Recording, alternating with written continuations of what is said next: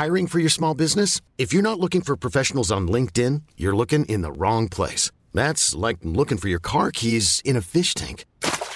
LinkedIn helps you hire professionals you can't find anywhere else, even those who aren't actively searching for a new job but might be open to the perfect role. In a given month, over 70% of LinkedIn users don't even visit other leading job sites. So start looking in the right place. With LinkedIn, you can hire professionals like a professional. Post your free job on linkedin.com slash achieve today.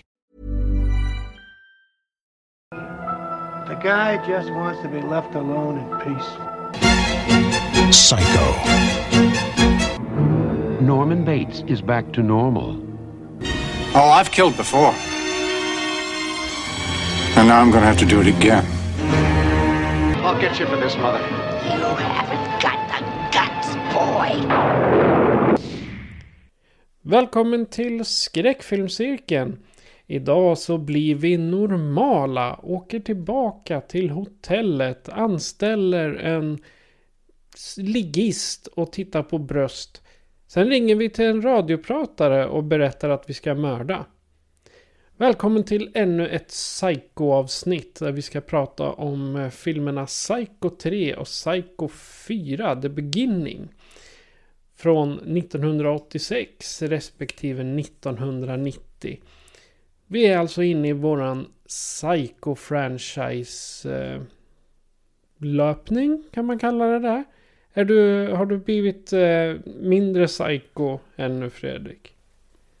Nej, det har jag väl inte blivit, men eh, det är roligt att ta oss igenom den här franchisen nu. Och egentligen så kan man ju se att det här är ett avslut av franchisen även om vi har en film kvar. Men det är ju det att nu avslutar ju den med Anthony Perkins här. ja, eh, idag blir det ju en double bill. Eh, både eh, Psycho 3 och Psycho 4 kan man säga. Eh, vad, i, I vanlig ordning tänkte jag vi skulle prata om eh, vad vi har sett sen sist. Men först måste jag säga att fasen vad du låter. ja, det jag har gått och förkylt mig här. Så jag sitter här och snörvlar och har liksom snytpappret nära till hands. Ja, du, du, har, du har dragit på dig eh, psykosjukan. Psykosnuven. Ja, det, det, har blivit för mycket Perkins. Så att, eh, risken är Ja. att du utvecklar en, eh, en allergi mot honom nu. och det, vi spelar ju in det här på fettisdagen här. Ja, Så exakt. liksom, ja, jag får- får burra ner mig här med lite kaffe och semla sen och tycka synd Ja. om mig själv. Apropå semlor så såg jag en jätterolig mem med eh, det finns en, en scen i The Great Gatsby tror jag det är. De sitter i, i en restaurang och gapskrattar allihopa. Och i, eh, i den till den bilden så har de lagt When you ask a Swede if he, if he only eats one semla per year. Nej, det händer inte. Nej, goddamn, jag tror jag är uppe i typ sex nu. Det blir, det blir den sjätte ikväll. Så jag, är inte, jag är inte nyttig. Men det är klart, Nej. kom, snart kommer ju fastan. Då, Han gör ju det. då har man rätt att vara... och Då, då är man nyttig. Ja, sak samma. Du har legat och varit sjuk. Så jag tänkte du kan få börja och prata lite om vad du har sett sen sist. Jag har faktiskt inte sett så mycket här. Jag har ju haft lite tragedi i eh, mitt familjehem just nu. Eh, min katt Miss Mull har eh, fått somna in här efter lång och trogen tjänst. Hon vart sjuk här och fick säga adjö till henne här hos veterinären. Eh, Och haft henne i 16 långa år här. Ja, hemskt. Ja, tant i sina bästa dagar då. Ja, eh, och det, är ju så jättehemskt. Eh, Men samtidigt också väldigt fint. För man liksom... Man, man, man kan få låta avsluta medan det fortfarande finns någon form av värdighet.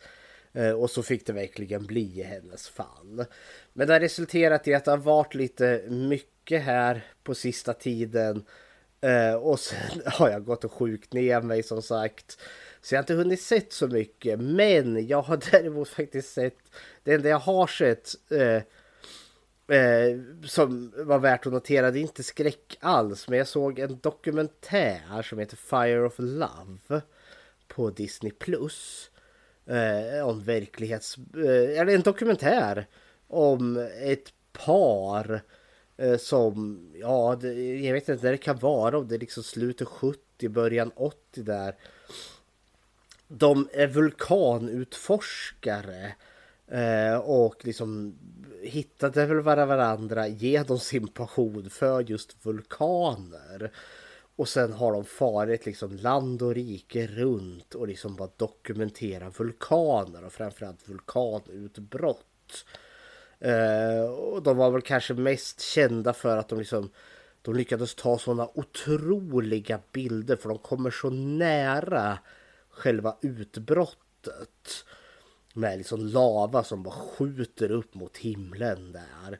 Och de är lite lätt galna som gubben där. Han, han vill verkligen han vill, han vill ro en båt i en flod utav lava. Och liksom sådana saker. Så de var liksom verkligen så här edgy. Eh, på, på ett sätt som gör att man bara får alldeles liksom ont i, i bröstet när de är så nära liksom själva utbrottet där. Det känns Och- lite som att de har en, någon form av triggervarning i början där. Ja, man tycker ju det. Det, det, det, det. De dör ju faktiskt båda två i ett vulkanutbrott där sen. Eh, Där de blir fångade utav utbrottet. Men det handlade inte så mycket om det. Och det är väl kanske det som de har varit mest kända för. Liksom de som dog i ett vulkanutbrott där. Men den här fokuserade mer på deras relation, den här passionen, kärleken de hade till varandra. Den heter alltså Fire of Love. Och det var ett väldigt vackert porträtt ändå. Som fokuserar på de här drivna människorna och deras passion. Eh, och sen de här hisnande, vad heter det, filmupptagningarna där de är liksom hysteriskt nära den där lavafloderna så att man liksom håret reser sig i nacken. Så, så, så lite skräck är det ju. Men den, den, den där vann massa priser. Den var väl Oscars nominerad förra året till och med. Så men det, det är vad jag har sett när jag inte har haft kattsorg eller suttit här och snörvlat. Så har jag sett och grinat till vacker kärlek bland vulkanutforskare. Så det är vad jag har gjort. Men alltså är det en eh, dokumentär eller mockumentär? Alltså Nej, att de, det gör, eh, de gör en spelfilm av Nej, en nej, nej, eh, det- verklig händelse. Det är en dokumentär och de har väl använt, alltså det är en ny dokumentär men de har ju använt deras material, allt där som de har filmat. Både liksom vid vulkanerna men sen också runt omkring för de filmade en hel del privat också. Och så det som är nytt då är det ju att det är en speakerröst, liksom en berättarröst som berättar om deras liv och gärningar och lite från deras dagböcker. Så det är väl det nya då. Och så har man sammanställt det till någon form av hyllningsdokumentär till dem. Så ja. Fire of Love, Disney Ja. Jag har inte tittat på något, eh, något direkt eh, mer än eh, tv-serierna som jag följer. Jag håller på att kolla på Elementary, den moderna Sherlock Holmes. Och så håller jag på med Fringe igen. Eller fortfarande rättare sagt. Det har inte blivit så mycket att titta på tv de här veckorna sedan vi pratade sist. Så jag har ingenting att nämna. Jag, jag kan nämna på våran YouTube-kanal så har vi släppt en ny video på Found It Podcast. Det är typ vad, vad jag kan nämna. Det, det, det, det, det har jag suttit och jobbat mycket med. Men eh, annars så har det inte varit något mer än bara tv-serierna. Så att, inget intressant där. Men eh, är det någon som kommer på någon superbra film som jag borde se så hör gärna av er. För jag börjar tröttna på tv-serier. Nåväl, nåväl. Eh, temat, eller temat. Idag pratar vi Psycho 3 och Psycho 4. Har du några särskilda känslor inför de här två filmerna? De här är... Alltså jag har ju sett hela franchisen och då tänker jag alla spelfilmerna som har gjorts. Eh, och ja, nu, det har varit kul att återvända men just Psycho 3 och Psycho 4 är väl de jag har sett minst av. Eh, och jag tror nog liksom att jag har inte sett de här filmerna sen jag införskaffade mig dem på VHS. Från science fiction bokhandeln i Stockholm back in the days. Så det, de här är de liksom som jag har haft minst i minnet. Så därför har de varit liksom känns liksom som att upptäcka dem på nytt igen nu när man har sett om dem. Men det, ja, jag har lite tankar kring de här för det är det är annorlunda. Uh, och det ska väl kanske komma när vi sammanfattar Perkins fyra, eh, vad heter det, psykofilmer här så har jag lite om just hela den här lilla franchisen att säga en hel del. Men ja, blandad respons, positivt som negativt. du då Ja. Patrik? Jo, jag, jag har faktiskt noterat att eh, jag såg Psycho 4 första gången. Det var, jag såg inte Psycho 2 först, jag såg Psycho 4. Eh, första, alltså absolut första gången jag såg en Psycho-film. Och jag tyckte den var lite spännande men jag tror inte att, eh, att det fastnade för mig direkt då. Utan det, nu är det ju väldigt länge sedan det här. Eh, Men jag tror jag såg Psycho 4 först. Och jag visste bara inte att den hette Psycho 4 då. Utan jag såg någon eh, gubbe som ringde in till en radiostation och pratade creepy. Det var liksom vad, man, vad jag uppfattade då. Så att, eh, ja. Men så är det. Men om vi då ska ge oss av till eh, motellet och eh, se Psycho 3 från 1986. Ett väldigt fint år. För då är jag född. Då är jag född. Här, här kommer en trailer.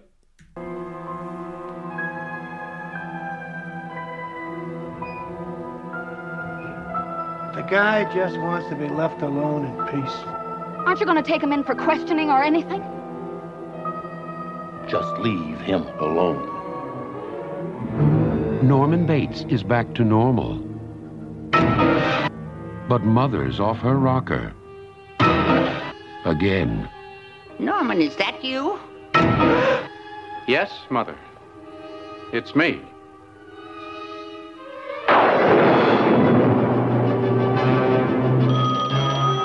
Bates Motel. Aside from total boredom, nothing's gonna happen to you here. I can't have that sort of thing going on in my motel. Gives the place a bad name. Why are you so kind to me? You remind me of someone. Mother! I figured Bates was a geek, but a full-fledged Looney Tune? Norman! I'll get you for this, Mother. You haven't got the guts, boy.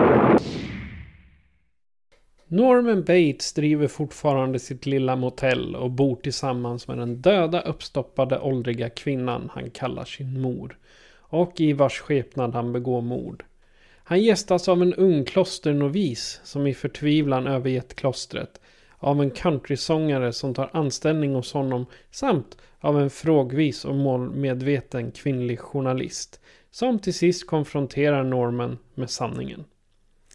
Det är en kort plott till eh, Psycho 3 från 1986. Och i det här fallet så är den regisserad av Anthony Perkins. Så vad har du att säga om eh, Psycho 3? Ja du, det här är en udda film. Eh, det, det, anledningen att den vart till var ju att Psycho 2 vart en sån framgång som den blev och det var det väl ingen som trodde att den filmen skulle bli för att det var många som tyckte att det var ett helgerån att ens göra en uppföljare till Psycho. Men så gjordes ju den förtjänstfullt. För det är en genuint bra uppföljare. Och då ville väl, det är väl Universal här, så bolaget, men starta en franchise här nu. Och vi har ju ändå... Tjäna pengar. Ja men tjäna pengar på medan liksom det här tåget ändå så går. Och det här är ju 86 då och då har vi ju liksom fredagen den 13 och vi har terrorn på Elm Street. Och... Så man liksom skräckfilmsfranchiserna är ju lite igång. Så varför inte då försöka kicka, liksom göra en franchise av Psycho? Perkins var väl inte så med på, alltså intresserad egentligen, om jag förstod det rätt. Men sen när han fick erbjudandet att regissera den här, ja då var han med på tåget. Så det här är ju faktiskt den sista av Perkins-filmerna som hade biopremiär. För nästa film är en tv-film. Och det skvallrar ju lite om att det gick inte så bra. Men när den här rent box office, det här vart liksom inte franchise som de hade hoppats på. Och jag förstår det, för det är en udda film.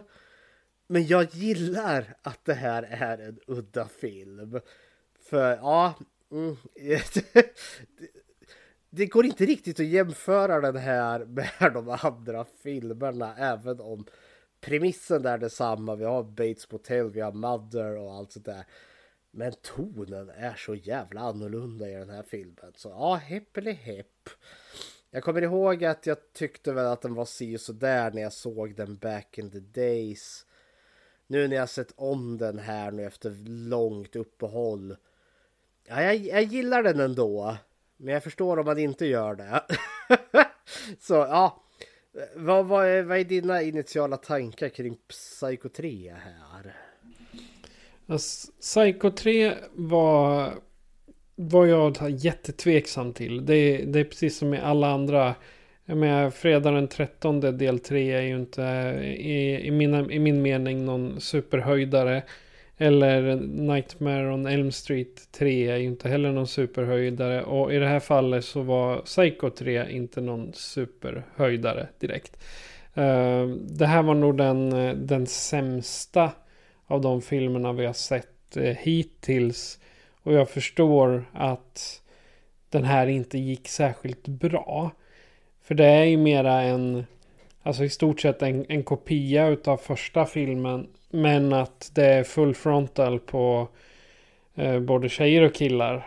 Liksom det, det är mera slasher movie eh, eskt än eh, vad, vad den tidigare filmen var. Så eh, i det här fallet eh, så han, han misslyckas i ett försök att komma tillbaka som rehabiliterad och tro att det ska bli liksom en, en fortsatt, fortsättning på filmserien. Men med det sagt så är det ju inte en jätteusel film. Premissen är bra. Egentligen så går man ju igenom första filmen på nytt. Bara att det är mera naket och lite mera tydligt mm. blod. Gud ja, och det är liksom som du sa där om att den här, den här är väl den som kanske är närmast slasherfilmsgenren. Men den går ju inte hela den rutten ut. För jag skulle inte, även om det liksom det finns element i den här som är jätte slasher-eska, framförallt morden. Så är det liksom inte riktigt en renodlad slasherfilm heller. Och jag tänker att det är det som kanske publiken stöttar sätter sig på. Men det är det som jag tycker kanske är det briljanta med den här. Att vi får en film som Anthony Perkins har gjort och det är en bonkers jävla film. För den börjar innan vi går in på karaktären här och det kanske blir en segway in om inte annat. För bara hur den börjar fick ju mig att bara rycka till i soffan. Hoppsan! Jag har liksom bara svart bild. Vi ser ingenting och så hör vi bara en kvinnoröst som skriker ut God is dead! Gud är död! Jaha, There is no God! God. Is var liksom bara, hepp, vad händer nu? Och sen liksom, ja. Okej. Bara gå, gå, gå mot helvetet ja, men, igen då, hej då. Psycho 2 inleder ju ändå som ett mordet. Direkt kopplingen till Bates Motel det här. Men här liksom är det något helt annat och vi får liksom en vild jakt. Ja, liksom en sån självmordsbenägen nunna som rusar upp i ett jag i klocktornet där på nunneklostret och det leder till kris och kaos när hennes eh, fellow nunnor ska hjälpa henne ner. Men i kampen så är det en annan nunna där som tappar fotfästet och faller till sin död. Var på den här stackars nunnan Som då är väldigt lik Marion Crane från första filmen. Beger sig liksom, springer därifrån med resväskan och eh, kommer hamna på Bates Motel förr eller senare. Ja, det, bara inledningen får man känna att mm, det här var inte riktigt vad jag var beredd på. Vart är vi på väg? Vart kommer vi ta vägen? Så ja, heppeli Nej, till Bates Motel och det har aldrig varit så jävla slisigt som det är nu. Men jag tänker han har ju suttit inne i 20 år. Ja just det, 22 till och med. Det, det säger han ju. You've been away for 22 years, 20 years now. 22 actually. Så, I, I mean, och att han eh, på något sätt har lyckats driva motellet. Fast det är inte han. Det var ju någon form av tvångs... Eh, tvångsomhändertagande eller tvångs... Eh, ja, staten tog hand om det. Ja men typ, eller sjukhusen där på något vis och vänster. Det var ju han Tumi Sipovic. Som vi pratade som typ hade liksom någon form av ja, vaktmästare som liksom inte så höll. Men hade ju men gjort Bates Motel till ett slisigt liksom drog och sexhotell. Och den här filmen utspelar ju sig typ två veckor efter händelserna i första, eller i andra filmen. Så det är fortfarande väldigt jävla nytt allting. Han är ju precis släppt. Och i film nummer två där så blir han ju driven till vansinne igen. Så det, det, det är ju Norman som har förlorat förståndet igen. Mother är tillbaka. Fast här då i form av hon Mrs Spool hette väl hon som han klubbar ihjäl i slutet på i film nummer två här. Som har gått och blivit nya Mother. Men ja, hotellet eh, är up and running igen. Eh, vi är fortfarande väldigt nära händelserna eh, från film nummer två. Ja, och sen har vi den här kavalkaden utav exceptionellt märkliga karaktärer som Anna hamnar vid Bates motell det är väl det som är kul med den här, att den är lite mer lätt, lättsam. Även om Perkins nog tyckte att han gjorde en riktigt djup film så för oss tittare så är den här ganska lättsam att se på. Det är ju inte någon eh, tung Ingmar Bergman-rulle direkt. Nej, och, och den är sleazy framför allt.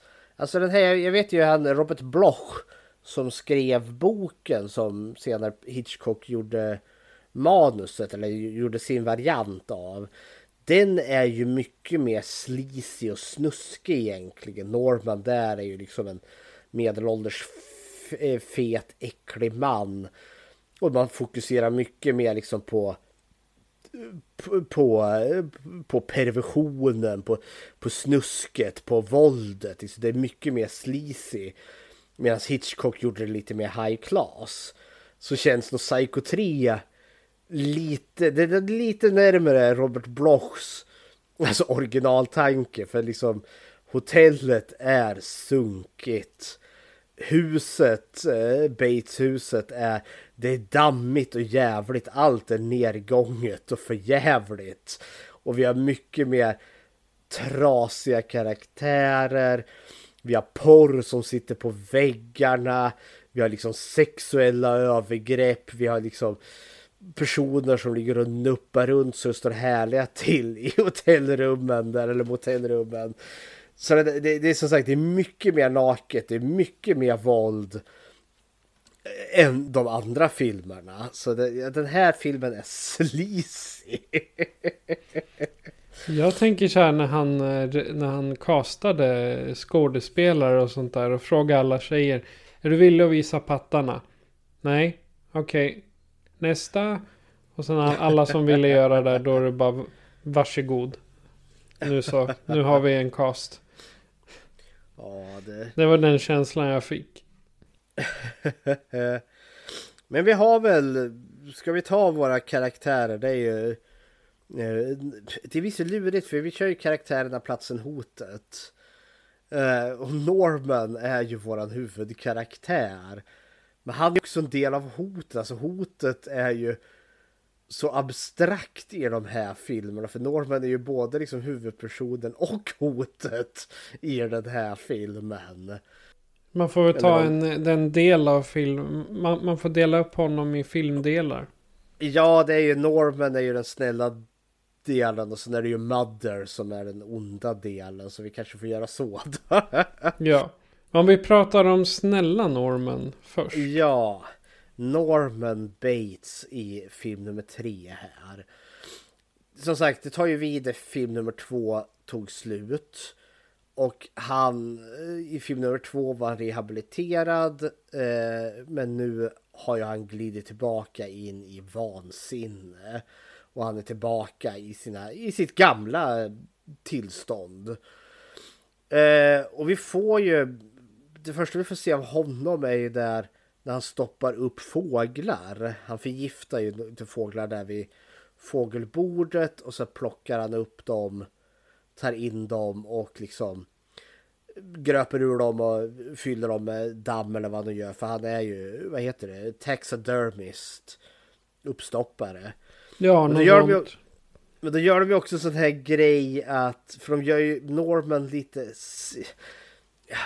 Han, han är lite äckligare även om han fortfarande är liksom... Han, han är liksom inte äcklig på det sättet som liksom... "Öh, jag, jag vill att du tar av dig kläderna, äckligt. Utan han är lite det här... Han använder ju samma sked för att stoppa upp fåglarna. Använder ju han också till att ta, vad är det, jordnötssmör. Eh, för att liksom lägga på, sig, på sitt kex där. Han liksom tar det liksom, för han har precis lagt så, vad heter det, damm eller sågspån i en död fågel. Och utan att tvätta skeden däremellan så stoppar han ner den i jordnötssmörsburken och kladdar på det. Jaha okej. Okay. Jo. Men jag, i de scenerna så fick jag li, lite samma känsla som i Switchblade Romance. Att han har liksom bokstavligt talat de här... Det är samma person men att han har någon form av switch som gör att han helt plötsligt kan bli mördar-Norman istället för... Eller han, han är inte mördar-Norman, han blir mother Med egentligen. Mother. Det jag gillar med den här och det som jag kommer säga att jag gillar med den här franchisen överlag är att Norman utvecklas i varje film. Och i den här, nu är vi som sagt, i film nummer ett är han ju vansinnig. Film nummer två är han botad från sitt vansinne och liksom kämpar med sitt trasiga psyke. Film nummer tre är han tillbaka i vansinnet. Men han... Och och det kommer han ju förbli också. Men det kommer ju en förändring här för Norman blir förälskad. Han blir ju förälskad i hon nunnan Maureen här. Efter... I en scen som jag tyckte faktiskt var genuint smart och häftig. Alltså en kul eh, alltså vända på saker och ting. För Maureen kommer ju till hotellet och hon ser ut som eh, Marion Crane från första filmen. De har gjort en poäng av det och Norman blir alldeles... Det är hon ungefär. Hon har till och med samma initialer på väskan. Eh, och hon går ju in i duschen. Eh, han står och tittar. Mother kommer. Och han ska ju mörda henne där och då. Vi har liksom, oh nu är det duschscenen. Men istället för att få den när han drar undan draperiet där då för att mörda Maureen. Då har ju hon, för hon är ju självmordsbenägen, hon har ju snittat sina handleder. Och ligger där i ett, i ett, i ett bad fyllt med blod och håller på att dör. Vilket liksom får ju Mother att reagera. Det här var inte alls vad hon... Alltså, alla kvinnor är ju horor. Sluts and whores! Och det här var inte alls riktigt vad... Ja, Något slår ju fel och ja, det blir ju också då att Norman kickar väl in igen och så räddar han ju henne. Och får börja ta hand om henne. Och han blir ju förälskad i henne på ett sätt som han aldrig har varit förut. För jag tänker alla andra gånger så är det ju han blir kåt, han blir sexuellt upphetsad. Och det är ju då Mother kommer. Och det är väl så det börjar med Maureen också. Hon är alldeles för lik Marion Crane. Men sen händer det här. och Det bara kickar ju, slår ju honom ut ur ja, det, det sedvanliga. Eh, och han känner för Maureen på ett annat sätt. Han, alltså, han älskar mer henne än vad han bara åtrår hennes... Eller att, att han bara är kåt på henne. Och det kommer ju också leda till att han faktiskt i slutändan kan göra upp med Mother i, i slutet där. Men han är så jävla awkward också för det är verkligen liksom Norman Bates blir förälskad och han blir förälskad i en svårt psykiskt sjuk nunna med självmordstendenser. Och det är så, ja, det, det är en mörk komedi egentligen för hon, hon är också så jävla tragisk. För hon, när, när, när han dyker upp, de ska mörda henne och hon ligger och förblöder där. Då tror ju hon att det är jungfru Maria som kommer där hållande sig till som ett glänsande krucifix. Medan det egentligen är den här stora kniven han håller i. Så det är liksom, åh, det är, så, det är bara så en tragedi utav de här trasiga, trasiga karaktärer som vi förälskade i varandra. Men som sagt, Norman, eh, om jag fokuserar på han, eh, eh är just han utvecklas. Jason, Michael Myers, Freddy Krueger, de är samma karaktärer i alla filmer. Men Norman följer vi någon form av utveckling i samtliga filmer. Och här har vi ju liksom när Norman faktiskt äntligen bryter upp med Mother och det gör han genom att han blir förälskad. Och jag tycker det är awesome! Vad tycker du om Norman i den här filmen? Alltså, Norman i den här filmen känner jag är mera en... Eh, en för...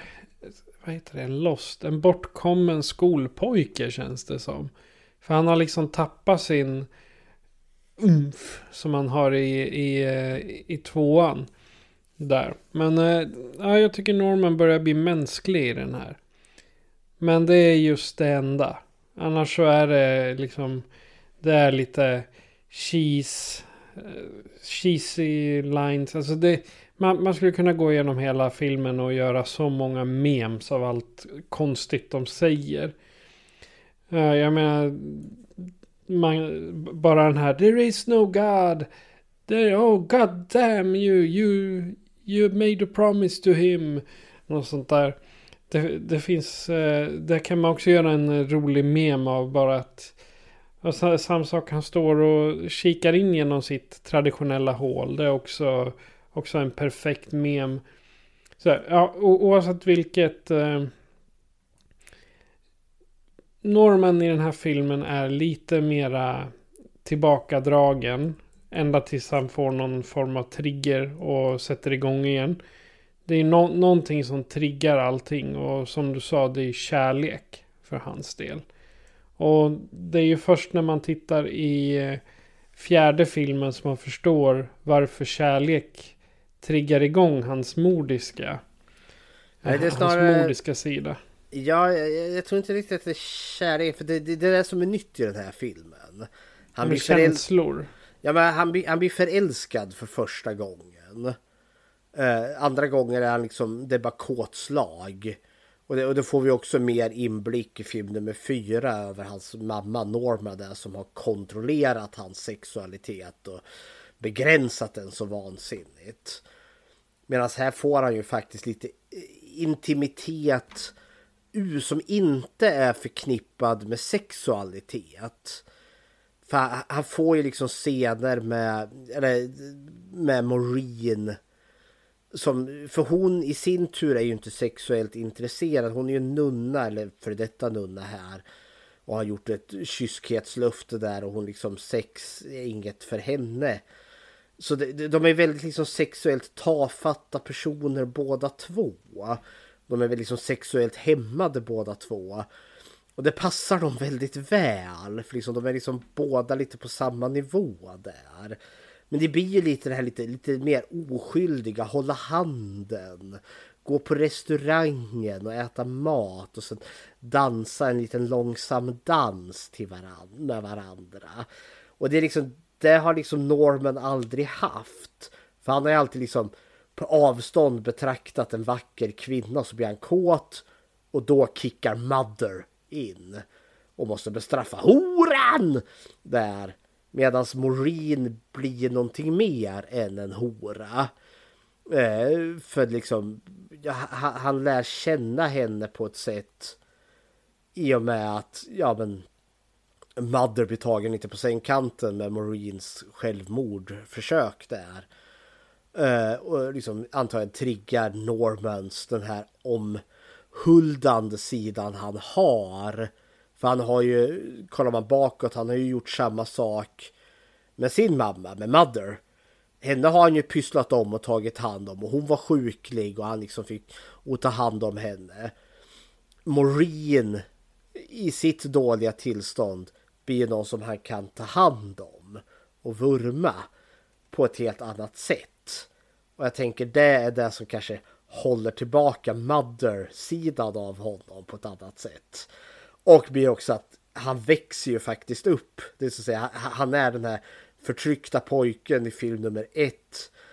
I film nummer två är han rehabiliterad men är liksom livrädd för Mother. Och i den här är det egentligen när han gör sin frigörelse från Mother i slutändan och blir liksom en man så att säga. så liksom, jag tycker utvecklingen utav Norman Bates är sjukt fascinerande i den här franchisen.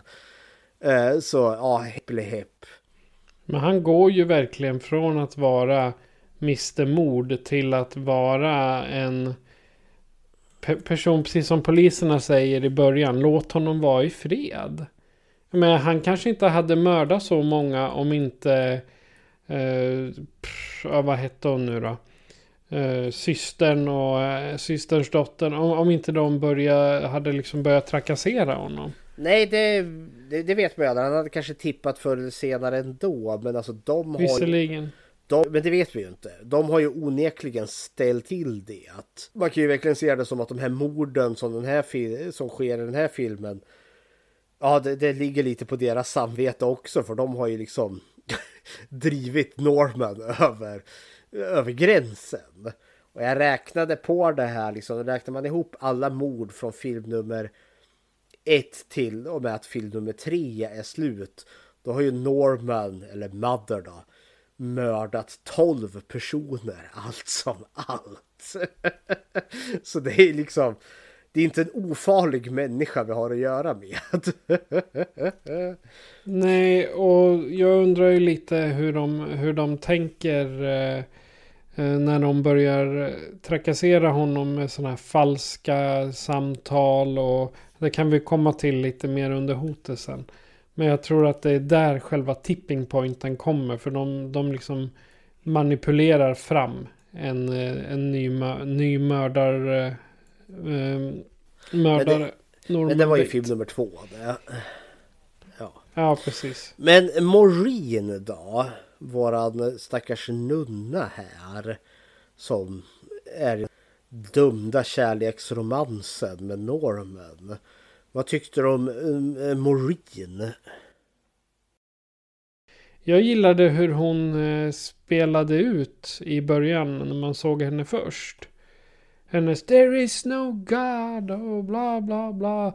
Allt eh, som hon eh, springer och skriker och sen hur man hör hur, när den här personen har dött, spatt, nere i klocktornet.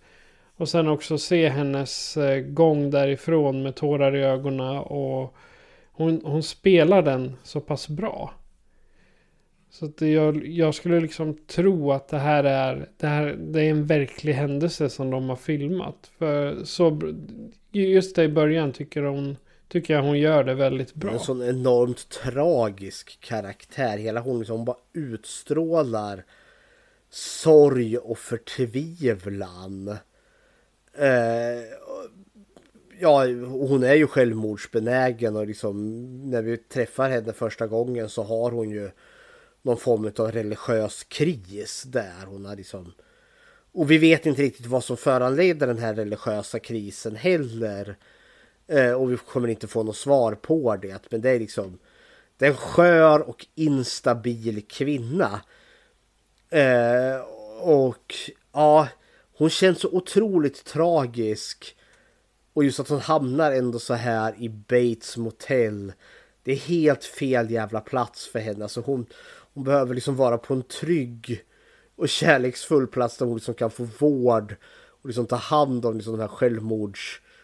Eh, hon behöver liksom psykisk vård den här kvinnan. Alltså hon, hon är ju liksom i en psykisk kris. Och den en... Hon är inne i någon form av psykos när hon springer upp i, i vad heter det, i klocktornet där. Skulle inte förvåna mig om det ska liksom symbolisera något sånt. Ja, och det är liksom som den person som faktiskt blir liksom i hennes sätt liksom den trygga punkten, personen som ger henne den här kärleken, ömsintheten.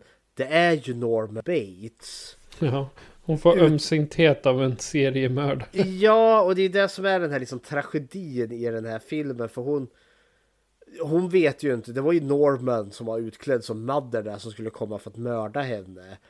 Men hon tror att det liksom var jungfru Maria i sitt, förvill, i sitt svaga tillstånd där. Så hon vet ju liksom inte det här, liksom det här farliga monstret som finns där. Vilken, vilken hot eller vilken fara hon är i. Och det är det som känns så jävla tragiskt också. Det är just... Och det här är kanske liksom att ge den här filmen lite mer än vad den själv kanske försöker eh, tolka fram eller tyda fram. Men jag får ju lite in den här just, ja men människor som är i en utsatt situation som är kanske i ett dåligt mentalt eh, period i sitt liv har ju liksom, är ju liksom en extra utsatt för att hamna i dåligt sällskap. Precis. Och dåligt, och dåligt sällskap, då tänker jag då kanske på Norman och nog inte dålig på det sättet för han vill ju henne genuint inte illa för Norman är ju förälskad i henne.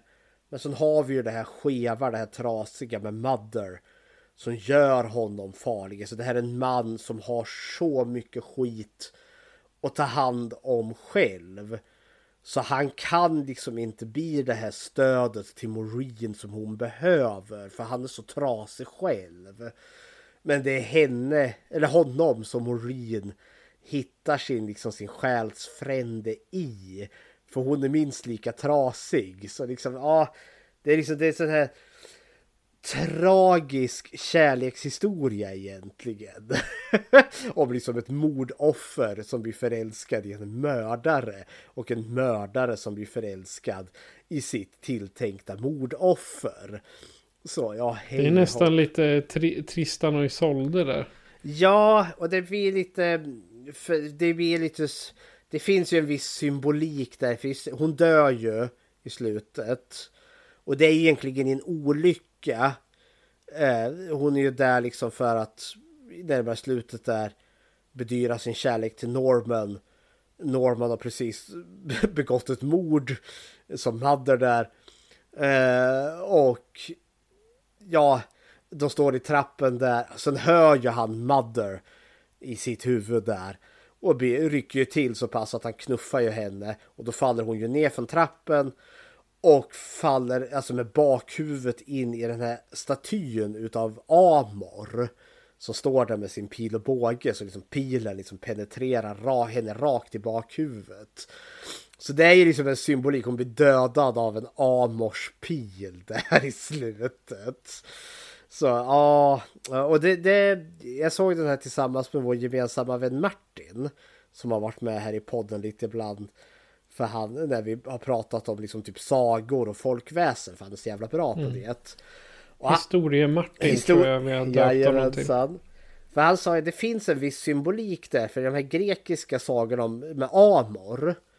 Alltså för Amor det är något som vi gärna säger, ja men oh det är kärleks, eh, han skjuter sina kärlekspilar i det och så blir man alla förälskade och glada. Men liksom i mm. de grekiska berättelserna så är Amor inte en bra eh, gud. Utan för liksom kärleken ställer till det. Att han kan liksom göra någon förälskad i en annan utan att den personen besvarar den här kärleken och kärleken har liksom mörka destruktiva sidor till sig. Där folk liksom gör andra illa eller gör sig själv illa på grund av att de är drivna utav kärlek. Så det, det fanns en viss... Obesvarad kärlek. Obesvarad kärlek. Och här är det ju den här, för det är liksom, det är ju en kärlekshistoria mellan Norman och Maureen. Men den är ju liksom kanske dömd på förhand för att de är så trasiga båda två. Så det finns en ganska fin symbol där just att hon blir dödad av en Amors-pil där. Det är Amors förbannelse.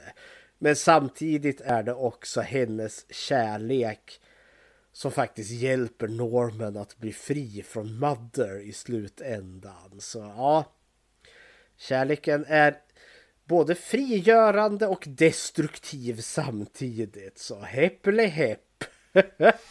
ja, men det, vi hade ju inte haft alla dessa eh, hustrumisshandlare och de eh, våld i nära relationer där om inte kärleken hade varit både, både positiv och negativ. Men det finns som eh, Norman. Eh, jag hade kunnat tänkt mig honom som en person som är så pass eh, besatt av eh, eller kär i en kvinna att han helt enkelt inte vill dela med sig. Och det har man ju sett må många filmer där eh, ondingen snedstreck godingen får ett psykbryt och liksom vill ta med sig allihopa i döden. För, han kan, för de, de kan inte stå ut med att någon annan ska få chansen ja. liksom.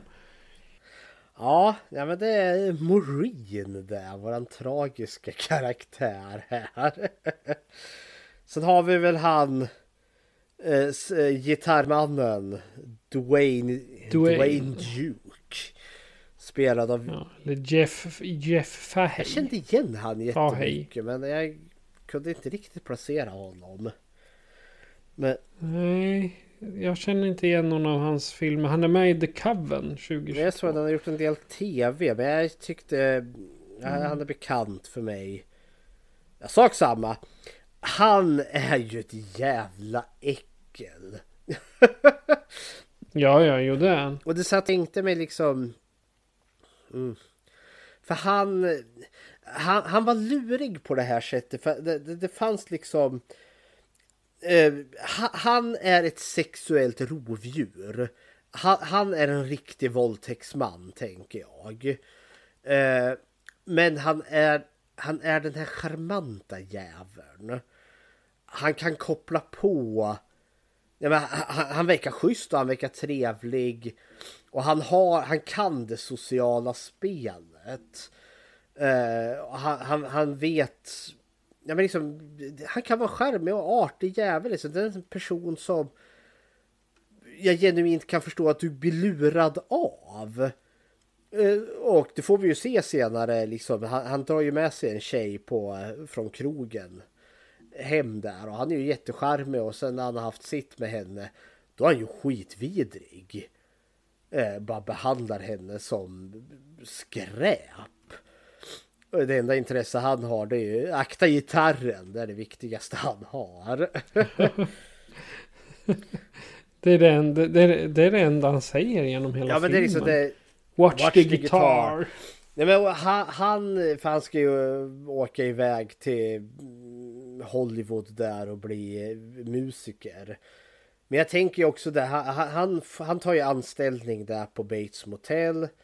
För han behöver pengar, det säger han ju. Han är, han är bara där för att vara där tillfälligt egentligen. Så han ska få pengar nog att kunna dra vidare. Och han får ju bo i ett av hotellrummen där. Men vi får ju se insidan på det där hotellrummet och det är ju alltså varningsflaggor överallt. Han har ju tapetserat väggarna med alltså porr med nakna kvinnor som han har klippt ut ur porrtidningarna och så har han klistrat upp dem på väggen. Alltså, han har bytt ut ansiktena, ja, på dem också. och liksom För mig är det ju det här liksom bara God damn, vad är det för fel på den här människan? Vem... Jag ser ju bara en serie Ja men det är lite så jag tänker där. också. För vem liksom det, det är så här han väljer att dekorera sitt hotellrum. Där han ska bara stanna tillfälligt. Nej, han är otäck på ett annat sätt. Och det är det som är det. För jag tycker liksom att eh, han är en schysst parallell till Norman. För båda två är drivna utav sexuella motiv. Alltså Norman är ju liksom, han, han är ju egentligen oskulden Norman. Han är den som sitter och trånar efter sex. Men kan aldrig liksom få till, för så fort han blir upphetsad då kommer Mother och liksom förstör alltihopa. Eh, Medan den här andra, eh, Dwayne, han, han är ju jättecharmig. Han, han tar ju sig in bland folk. Medan Norman är tafatt och liksom måste sitta och titta genom kikhål eh, på sidan. Av väggen där. Eh, längre än så klarar inte Norman. Medan Dwayne är ju den som kan skärma hem vilken tjej som helst. Men där förgriper han sig på dem. Så det är liksom det är två galningar drivna utav sexuella motiv. Men Dwayne, han våldtar eller bara sexuellt utnyttjar och dumpar tjejer. Men de är ju åtminstone vid liv. Medan Norman, ja, där har du ju inga våldtäkter för han kommer ju aldrig så långt. Men han mördar ju istället. Så vem är värst av de här två? Sen Norman vet väl inte riktigt hur man gör. Om man, om man, om man säger så. på, på sitt sätt. Han har ju... Eh, ja, det, det kan vi komma till i, i, nästa film. För då finns det... Den anser jag förklara lite av hans beteenden. Ja, men jag tycker den här... Att Perkins har uh, regisserat den själv. Det är väl lite si och så kan jag tycka. Men man får ändå en inblick i vad hände sen efter eh, Psycho 2. För det finns ju faktiskt det är intressant med sakerna som händer. Sen tycker jag, jag tycker inte det är så välspelat. Men det är bara ja, det, min det, egen det, känsla. Och det, ja. Och det, det är de här liksom. Vi har tre väldigt jävla trasiga karaktärer som vi får följa. Norman Marine och Dwayne. Och alla är liksom väldigt trasiga men på väldigt olika sätt. Och alla samlas här på Bates Motel. Och det slutar ju död och djävulskap för dem allihopa. ja, det, men det är det som är lustigt för liksom Norman som är seriemördaren som mördar folk. Han är den som jag känner att jag har sympati för. Medan Dwayne som inte är en mördare men däremot ett riktigt jävla svin gentemot kvinnor han är den som jag inte har sympati för. För... Dwayne kan lika gärna åka på det. Han kanske, det, jag kan, alltså i min, min sjuka värld så kan jag faktiskt tycka att han är värd det. Eller han förtjänar. Ja, jo, det är jag. När, Ja, när Norman väl liksom klubbar ner fanskapet med hans dyrbara gitarr där. Då, då hade jag inga som helst problem med att han gick åt. Men det är också det som är lite kul med hur man lyckas vrida och vända på det. För rent krasst, Norman har mördat 12 personer när den här filmen är slut. Och det har kanske inte Dwayne gjort. Men Dwayne är den som jag tycker sämre om. Ja, kära värld. Ska vi ta lite plats? Vi, vi, har fler karaktärer men jag tycker liksom att det här är liksom de tre. De alltså karaktärerna mera som är med de gör ju de gör inga avtryck i handlingen och man får inte lära känna dem. Utan de är bara där. Inte på det Nej, och vissa, det är som hon journalisten Maj, Maj, Myrna, eller Majna heter hon väl hon, visst hon fyller ju en viss någon form av funktion men hon är ju egentligen mer för att eh, alltså avslöja information om att hon, eh, hon som påstod sig vara Normans mamma i, i andra filmer visar sig egentligen inte vara det utan hon är bara en knäpp kärring. Så hon fyller mer den funktionen. För jag tycker liksom de som är drivande i den här det är Norman, Marine och eh, Dwayne. De andra liksom är lite mer exposition karaktärer. Eh, platsen, jag har ju redan varit inne lite. Vi är ju tillbaka vid Bates Motel här. Men jag tycker ju att det känns sunkigt. Alltså, både film nummer ett och två har det ändå så funnits litet en känsla av någon form av stil. Det är liksom, det, det, det är gammalt. Men det är liksom, det är polerad ek, det är vackra möbler, antika möbler. Men det finns liksom en känsla av någon form av stil. Och Norman uppskattar ju inte att motellet har gått och blivit liksom drog och sexhotell. Medan i film nummer tre känns det jävligt förfallet. Det är ju för att han, eh, eh, Dwayne har tagit över. Och det, den, den korta stunden han är känns det som att det förfaller ännu mera. Liksom han skö, jag, aldrig att han är och kollar om rum och städar rummen och byter lakan och sånt. Utan han, han hyr ut det och ibland kanske till och med per timme. Och till och med huset, alltså Bates-huset känns också... Det känns dammigare. Det, liksom, det verkligen känns som att det, har, det här har det inte dammats på år och dagar. Det känns liksom... Det känns sunkigt på något vis och vänster i den här filmen. Och det är väl kanske också en bra bild på liksom, ja, men Norman, det är ju sluttande plan här. Det har ju gått ut för i, i hans psyke så att säga. Så. Men samtidigt det är lite mysigt att se det här Bates-huset och vara tillbaka på motellet i film nummer tre. Och det är ju, det är ju samma setting för det är ju på Universal Backlot som de har spelat in där. Så de har ju samma setting och jag, jag uppskattar det att, att vi ändå så har Eh, samma miljö. Man har inte byggt om huset. Utan liksom, det, det, det, ja. Eh, och de har ju också till och med ansträngt sig i att hitta samma skådespelare i de här bikaraktärerna från film nummer två. Så det finns attention to details här som jag uppskattar i den här filmen. Men som sagt, det känns nergånget och ruffigt. Och det är en del i den här slisigheten. Med den här det känns lite som att Perkins ville ha det lite mer nedgånget för att Norman kanske re rent av inte har klarat av att ta hand om det som det, som det ska tas om hand. Ja, fullt möjligt. Under tiden det här spelades in fick man ju reda på att Anthony Perkins hade HIV också. Ja, eller han var åtminstone sjuk här. Ja, han fick, eh, han fick det bekräftat. Ja, stackarn. Åh, kära värld. Ska vi gå över till hotet? Japp, och det är ju självaste Mother. Ja. Egentligen är det två. Vi har, Mother är ju tillbaka igen.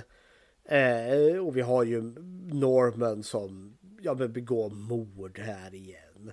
Och en del, ett annat del i hotet är just att han han ska bli avslöjad. Men vi har ju den här liksom tvisten här att ja, han är ju förälskad i den här filmen. Så vi har ju den interna konflikten mellan alltså Norman vill bli förälskad, eller han är förälskad och han vill någonting med Maureen.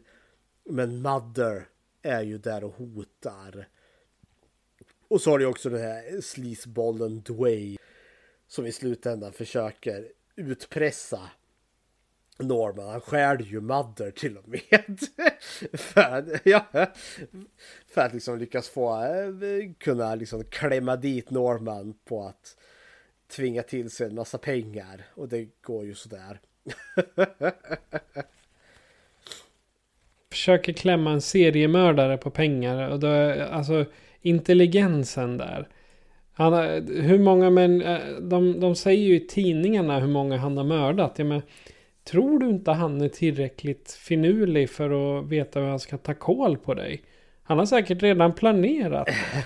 jag tror också han tänker, han, Dwayne faller lite på det här just att ja, men han tror att han, han kan Norman för att Norman är ju ganska tafatt. Liksom, som blir lite flustered och liksom ah, nej men nej och, och, och, och, han tror ju Dwayne tror ju liksom genuint att ja men han har ju övertaget som den jävla mansdominerade gris han är. Han skulle väl kalla sig själv alfa. Men... Ja, medan han liksom ser på typ Norman som beta. Men då ska man också komma ihåg att det är samma person som har mördat 12 personer. Så Dwayne har inte riktigt tänkt i de tankarna. För liksom när det väl blir strid, ja Norman är faktiskt en mördare. Så det går ju åt helvetet för Dwayne där. Det är klart det gör det. Ja. Men jag gråter inte för det för han får vad han förtjänar. Han får vad han förtjänar. Eh, Mother här ändå. Hon är ju... Jag inte, det, det, det, det är samma Mother som i alla filmer egentligen. Den nervärderande jävla häxan. Eh, som liksom alltid är så arg på Norman vad han nu än gör. Så går det åt skogen. Men den här filmen är ganska våldsam också. Vi har... det, är bara, det är bara fyra mord i filmen mm. men de är våldsamma. Gud ja. Och alla morden är ju liksom inte ens Norman. Alltså egentligen. Det är två mord som Mother begår. Sen är det ju hon nunnan som faller i början. Och det är ju liksom, det är Norman inte ens involverad i. Det är ju en olycka, det är, en det är inget mord. Och sen är det ju uh, när Maureen faller i trappen. Det är också en olycka. Nej förlåt, det är tre mord. Han mördar ju två tjejer och sen Dwayne som han slår ihjäl med gitarren där. Men de här tjejerna, de mord är bra grisiga ändå. Första är ju hon som Dwayne har dumpat där efter att han haft sex med henne och hon står i telefonkiosken där. Och så kommer ju Madden och bara knivar, knivar, knivar. Och det är liksom det är hugg på hugg på hugg. Och där fanns det en otäck detalj för hon är barfota. Och eh, eh, har ju slått sönder glaset. Eh, för att komma in i telefonkiosken. Eh, och det får en kort liten scen just när vi ser den här stackars kvinnan och hon står ju barfota på det här trasiga glaset. Så det är lite så här, ah, oh, aj, aj, aj. Och den här andra tjejen är ju hon som sitter och skiter på toa. Och Madde bara kommer in och bara snitt över halsen. Och liksom ser liksom hur halsen går bakåt och liksom såret vidgas och blodet bara blä rakt ut där. Så liksom, den är ju, morden är få men när de väl är så är de blodiga och grafiska. och det är också en del i varför den här filmen känns så mycket mer grimy och sleazy. För det, ja, det är också så här liksom och den första kvinnan, en halvnaken kvinna eh, som blir knivmördad i, i, i telefonkiosken. Den andra liksom också halvnaken för hon sitter ju liksom och skiter på toa. så det är också liksom lite makabert i det hela. Ja, ah, kära Dan, kära Dan. Ja, jag gillar hur eh, Mother blir aktiverad så att säga. För så, så ser jag det när man, när man ser eh, Norman och Mother kommer. På något sätt så aktiveras hon och han måste gå och hämta kniven och peruken i sin. Så Perkins har gjort ett så bra jobb i den här att man ser liksom hur det slår om inom honom. Och I den här så får vi också se mer utav Mother jag tänker det här är filmen som vi kanske får se mest utav Mother utav de här fyra filmerna. Och det är lite som att man har sparat på henne också till närmare slutet. För vi har ju de här, ja, när han ska mörda Maureen men kommer av sig för hon har försökt ta sitt liv. Och sen de här två morden på de här tjejerna. Då han är Mother. Men sen är det ju inte först i filmens tredje akt då vi verkligen har Norman i, i eh, ja, som Mother. Uh, och eh, uh, då liksom också får se han prata som Mother. Det får vi liksom inte annars. Och han jagar den här journalisten. Och det fanns, det fanns en liten fånig detalj. Jag, jag gillade den för det var så här, bara, För han håller ju på eller Mother håller på och jagar upp den här journalisten upp för trappen och hon liksom backar bakåt och försöker resonera med Mother för att komma åt Norman. Och när hon gör det då kommer hon åt en tavla så att tavlan hänger på sniskan. Och så får vi liksom se när Madde liksom är på väg upp och liksom eh, går där med, med blicken fäst på den här journalisten. Men går liksom, så, de kommer till den här tavlan som hänger på sne och bara i farten tar ut handen och bara rättar till tavlan så att den hänger rätt igen. Och det, det, jag vet, jag fastnade lite för det för det, liksom, det ligger något i, i Madde. Saker och ting ska vara på ett speciellt sätt. Det ska vara som det alltid har varit. Det är lite så här old school eh, old school-tant. Ja, men det, det, var också liksom... Det, det blir också den här kontrasten till den tafatta normen. Så är ju Mother mycket mer handlingskraftig. Så det var bara en kul liten detalj som jag fastnade för. Men Mother åker ju på i den här filmen. Hon lyckas ju övertala honom och han blir skitarg och så bara knivar han ner Mothers torra lik där i slutet. För hon säger you will not amount to anything, you cannot do anything. Oh can't I mother, can't I do anything, how is this for your mother? Så bara knivar han det här torra liket och skär huvudet av henne till slut. Medan Madde ligger där och vrålar No Norman, Norman! Så det blir ju liksom jag besegrar skurken där genom att halshugga det torra liket där i slutet. ja, men så, te tekniskt sett så skulle jag vilja se det som att han liksom kommer över sin psykiska ohälsa. Inte, inte för att han, han blir frisk som så, men han, liksom, han lär sig att leva med det. Så skulle jag vilja tolka den. När han knivar ihjäl Madde där. Det är liksom, jag tolkar det som att nu har jag lärt mig att leva med det här men det, ja, det, det, det hjälper Nej, inte så mycket. Han blir fri från Mother. För man ska se, för, för, det, för det slutar ju med att polisen, sheriffen kommer ju och griper honom.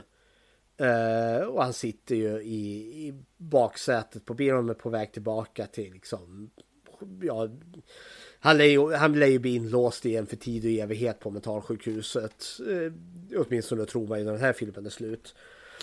Eh, och det tänkte jag liksom en snygg parallell till film nummer ett. För i slutet av den då har vi ju den här, då, då, är det ju han som sitter på polisstationen. Men då är Norman borta. Norman finns inte kvar, det är bara Mother kvar. Medan i film nummer tre är det tvärtom. Mother är borta och nu är bara Norman kvar. Så återigen, jag tycker den här är briljant på, alltså den här franchisen är briljant på det här sättet att filmens huvudantagonist, alltså filmens skurk och hjälte samtidigt utvecklas i varje film. Ja, hepp. Jag... Har du gjort något Bechteltest? Ja, det har jag. Eh, och efter att vi tagit Bechteltestet så ska vi ta ett ljudklipp här sen. För vi ska gå lite på musiken i de här filmerna också. Men ja, vi tar Bechteltestet först om kvinnlig representation i film. Eh, och frågorna är som bekant tre. Fråga nummer ett. Finns det eh, två eller fler namngivna kvinnliga karaktärer? Ja, det gör det. Vi har ju Maureen. Eh, nunnan där.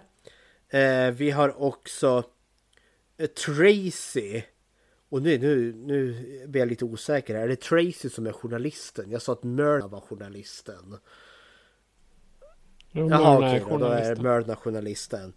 Tracy lär väl vara den här stackars kvinnan som han knivhugger till döds i, i telefonkiosken. Då. Eh, och så har vi då syster Margaret. Som är den här arga nunnan som står och skriker på Maureen där efter att hon har knuffat en annan stackars nunna till sin död där. Eh, möter de någonsin varandra? Fråga nummer två där. Ja, Maureen möter ju då Myrna, alltså journalisten. Eh, och hon möter också Margaret. Eh, mm, förlåt, förlåt. Tracy Jaha, är det som är journalisten. Jag var tvungen att ja, go googla det. Ja, förvirringen är total. Tracy är journalisten. Och där ja. är väl Mörna som blir knivmördad i telefonkiosken då. Exakt, så då är, är det. Fråga nummer tre då. När de möter varandra pratar de om någonting annat än män. Och det här som blir lurigt då, för Tracy, journalisten, hon träffar eh, Maureen närmare slutet där. Och då avslöjar ju hon för Maureen vem Norman är. Att, liksom, att han är den här mördaren.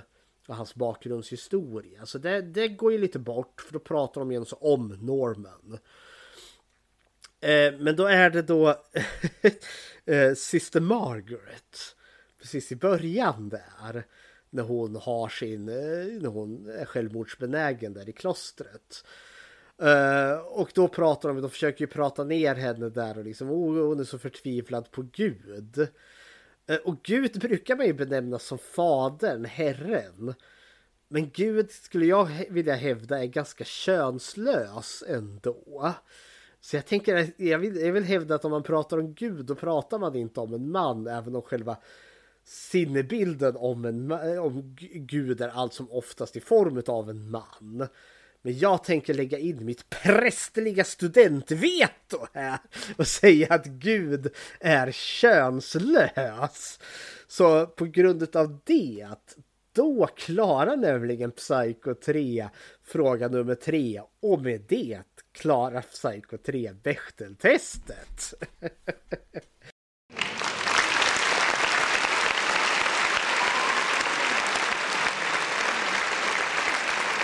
Ja, då har vi musikklippet här. Jag skickade till, för det här det ska höra till att vi har haft tre biofilmer och det här är den sista biofilmen med eh, med Anthony Perkins. Film nummer fyra som vi kommer till snart här är ju en tv-film.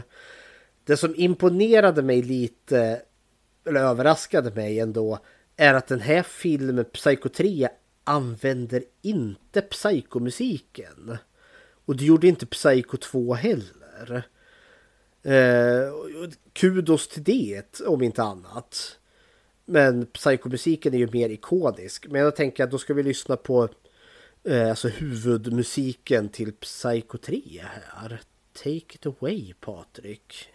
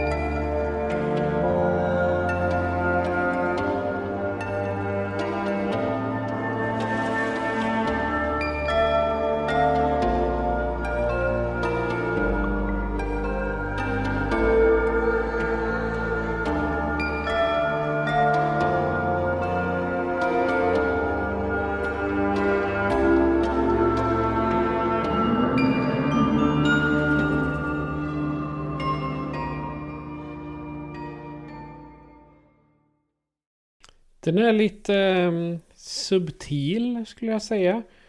Och samtidigt tycker jag det är bra att de inte använder psykomusiken som de gör i, i första filmen. För den här filmen passar inte med den musiken i. Utan jag tycker det här är för att säga spännande. Att de väljer att by, byta ut det. Eller utöka eller vad man ska kalla det. De, de väljer att göra någonting nytt mm. av Och det är väl det som jag tänker ge kudos till de här filmerna att det, det, är ju samma, vi har ju Mother Bates Motel, liksom mord i duschen här, det är liksom återkommande. Men av de här tre filmerna så känns det som att det är tre väldigt unika filmer. Även om samma premiss är i samma. Så känns de väldigt annorlunda. Eh, och det tror jag liksom en del är kanske att de inte återanvänder musiken utan gör nytt. Och så som är lite kul med just musiken till den här är att de också i filmen återanvänder den på olika sätt. För det finns olika tempon på den. Så när de är inne på baren, The Duke, eller han, eh, vad heter han nu, Sleaze-äcklet, Dwayne. Håller på att ragga, han startar ju en jukebox där då är det den här musiken fast i ett upbeat tempo. Så lite mer disco-varianten av den.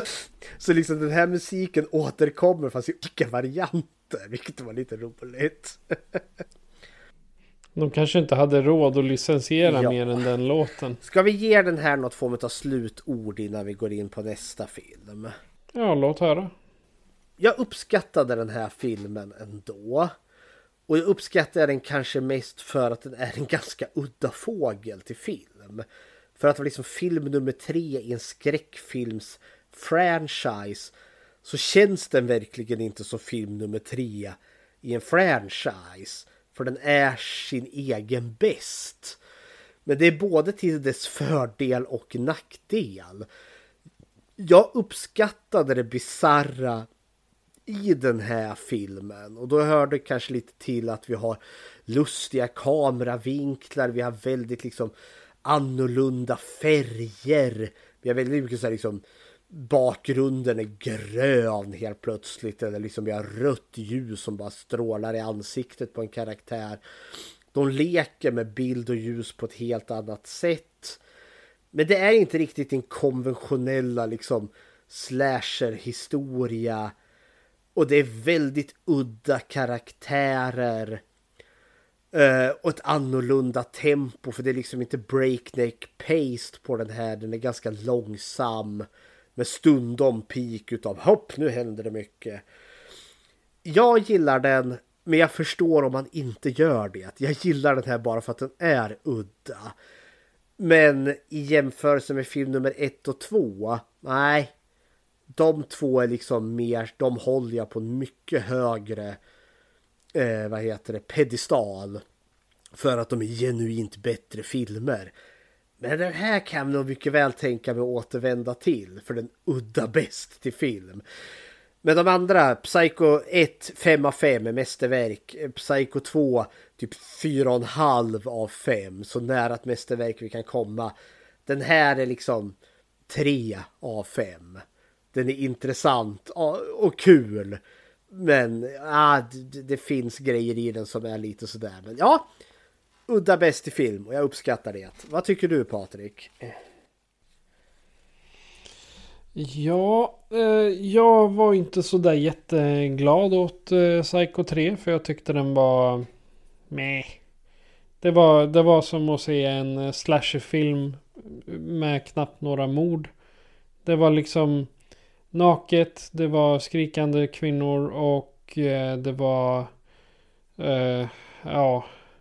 Nej, jag, jag, alltså jag fick inte grepp om den i början utan jag det blev, kom i efterhand när jag satt och läste om den och läste lite på IMDB och så här bläddrade runt på YouTube. Då började jag ju, ju liksom få, få fart i och förstå filmens innebörd. Vad eh, typ Perkins öde där. Hur, eh, hur de hade tänkt sig med vart de skulle filma någonstans. Vilka personer de hade fått med från tidigare filmer.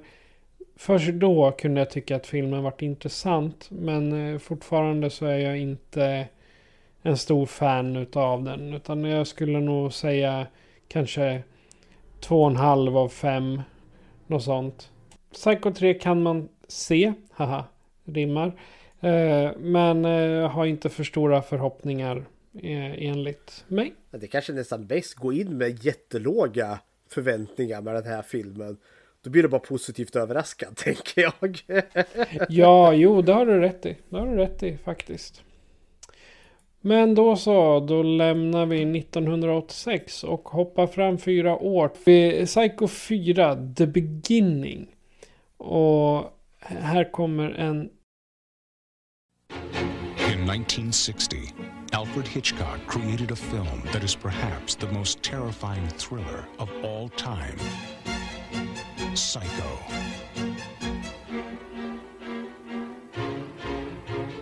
Now, come answers to the questions audiences have been asking for over 30 years.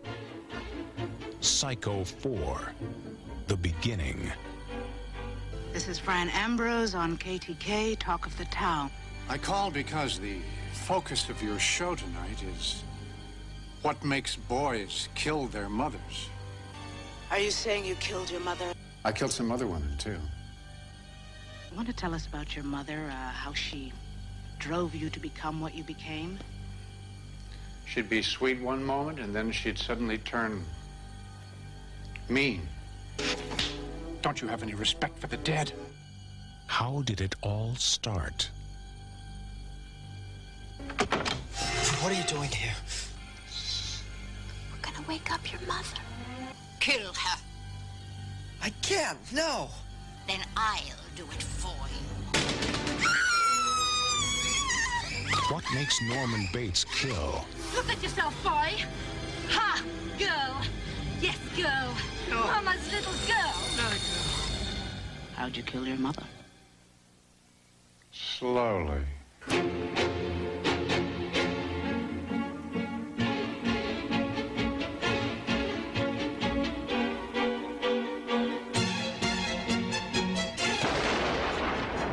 Will this be the end of Norman Bates?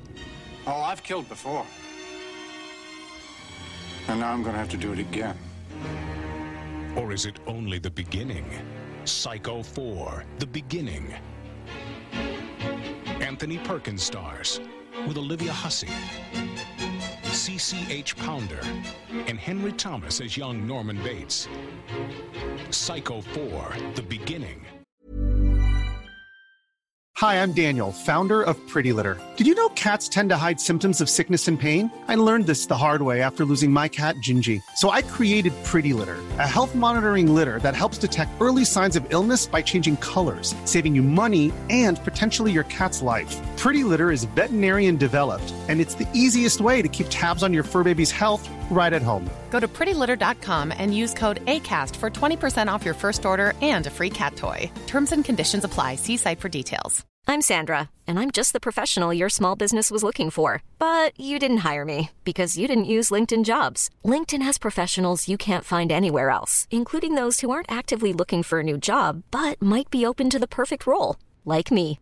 In a given month, over 70% of LinkedIn users don't visit other leading job sites. So if you're not looking on LinkedIn, you'll miss out on great candidates like Sandra. Start hiring professionals like a professional. Post your free job on linkedin.com/achieve today. Norman ringer till en radiostation där de pratar om söner som mördat sina mammor. Norman berättar om sina otäcka händelser från sin barndomstid. Om sin otäcka moder. Det är den enda plotten jag hittade av Psycho 4 The Beginning från 1990. Och det är en jättedålig plott. Men den får vara som den är. För det är ungefär det som händer. Så. Det här. Det är en film som jag tycker om. Men vad tycker du Fredrik? Ja men den här var en fröjd att se om. Som sagt, varken Psycho 3 eller Psycho 4 hade jag sett sen jag hade dem på VHS. Och det jag kommer ihåg var väl att Psycho 4 var den jag tyckte minst om. Uh, ja, back in the days. Men nu när jag såg om den här. Oj. Det här var en ren skär fröjd. Att se igen. Synnerligen nu när man har sett eh, de här filmerna så tätt in på varandra. Så jag är jättepositivt överraskad utav Psycho 4. Så jag, jag spoiler alert, jag kommer ha ganska mycket positivt att säga om den här filmen. det är samma här, jag har inte sett Psycho 4 på säkert 10 år. Och jag hade också samma inställning som dig. Ja men Psycho 4 det var den här den värsta filmen i hela serien. Men jag hade blandat ihop 4 och Psycho 4 är, tycker inte jag riktigt är en mördarfilm. Den är mera en eh, psykologisk eh, thriller skulle jag kalla det. För det är inte bara en, en massa mord utan den här är ju väldigt djup. Men det, alltså jag, jag, om, man, om man tittar på den här då kommer jag säga triggervarning. För här pratar vi om rena och skära övergrepp begångna av Olivia Hussey. Det blir helt fel alltså. Men den, den visar liksom varför Norman Bates har blivit som han blev. Och jag kollar mycket på det här i huvudet på en mördare, i huvudet på en gärningsman. Och nästan alltid så är det någonting som har hänt i barndomen som har gjort att personerna har blivit de de är idag. Och ja, det visar ju sig då att det stämmer även på Norman Bates. Jajamän. Och det är den här... Alltså, ja. Återigen, alltså det... Av de här fyra filmerna, det här är en märklig franchise, men liksom ingen film är den andra lik. Och de lyckas komplettera varandra så jäkla väl. Det vi ska höra till att den här kräver ju lite the suspense of disbelief. För den här ska alltså utspela sig fyra år efter film nummer tre. Och han är fri igen. Det kan jag inte köpa för fem jävla öre. Så som film nummer tre slutar ju med att han liksom rullas in i, ja, rättmätiga liksom in på mentalsjukhuset igen. Han kommer aldrig ut igen, tänker jag. Så jag vet inte. Men samtidigt liksom för själva det liksom. Vi, vi, går väl in på Norman direkt här. Nor ja, ja Norman är. Eh, han är gift numera. Vi får ju liksom möta han nu. Eh, som Anthony Perkins här som ringer in till den här eh, Fran eh, radiokanal. Town off the Night eller vad fan den hette. Town by the hour. Sak samma, det är inte viktigt. Eh, men det är en radiokanal som han ringer in till här då. Uh, och vi har ju det här liksom Mother är inte med längre. För det här, vi har ju en fortsättningen egentligen på film nummer tre. Där han gör sig kvitt Mother en gång för alla. Och nu är han, han är, jo han är väl gift. Uh, han är gift med, med, ja uh, med, med, med Conny. Heter hon, som visar sig vara... Ja, en, en, hon var sköterska ja. på hans avdelning. Uh, och de har blivit förälskade med varandra där. Förlåt. Men eh, rent logiskt, det går inte ihop alls. Eh, men rent, jag, jag kan nog sidosätta det liksom bara för att det är en intressant berättelse som kopplar igång här.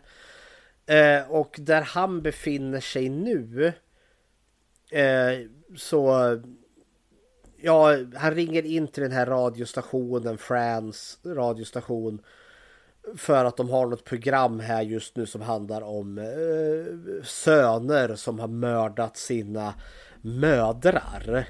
Och så håller de på och pratar om det och så ringer han dit och vill ge sitt perspektiv. Eh, och han ringer dit under alias Ed. Vilket jag tyckte var lite kul för ja. det är ju liksom Ed, Ed Gein som Norman Bates liksom har sin liksom grund ifrån den riktiga seriemördaren där som hade ett väldigt osunt förhållande till sin mamma. ja, de eh, radio, radioshowen pratar om matricide. Som är alltså eh, mord av en mamma. Och eh,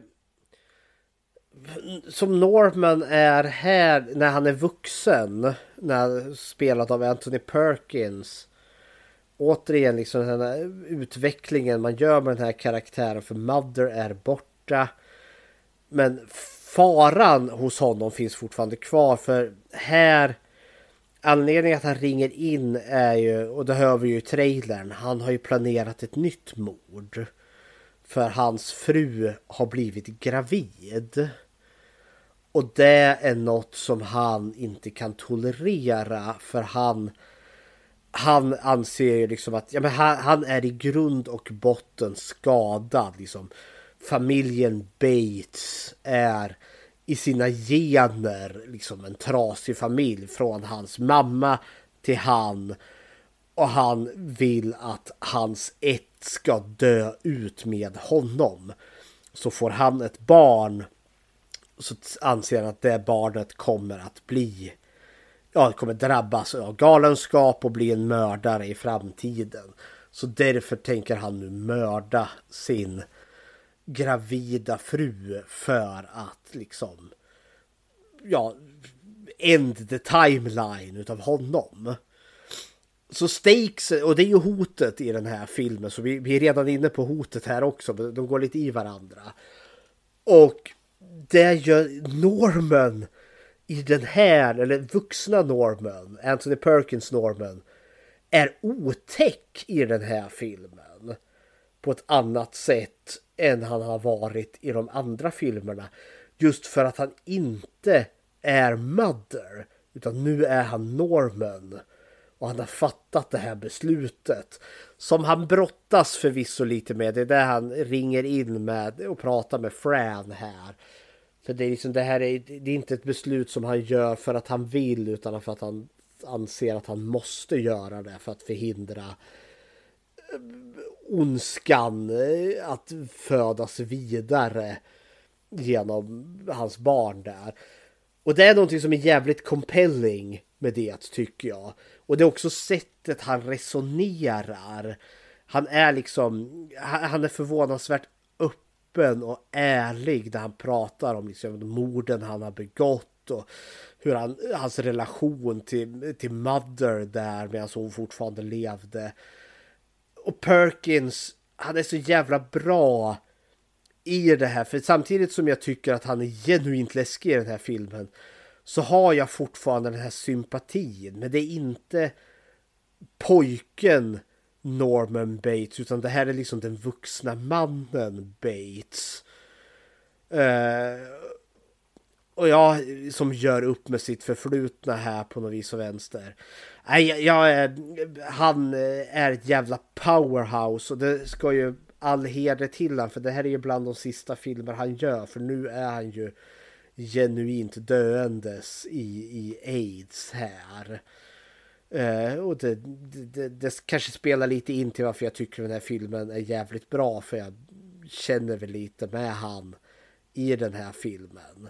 Det här är inte den sista filmen han gör men jag liksom tycker att det är det sista. Han, han, mår, han mår ju inte Nej. bra. Det är klart Nej, och och jag, men jag känner också att han, han, ja, men han, han, han skådespelar jävligt bra. Punkt slut. ja, Norman. Vad, tycker du om vuxna Norman Bates? Vi har ju två Norman. Vi har ju en ung Norman sen också.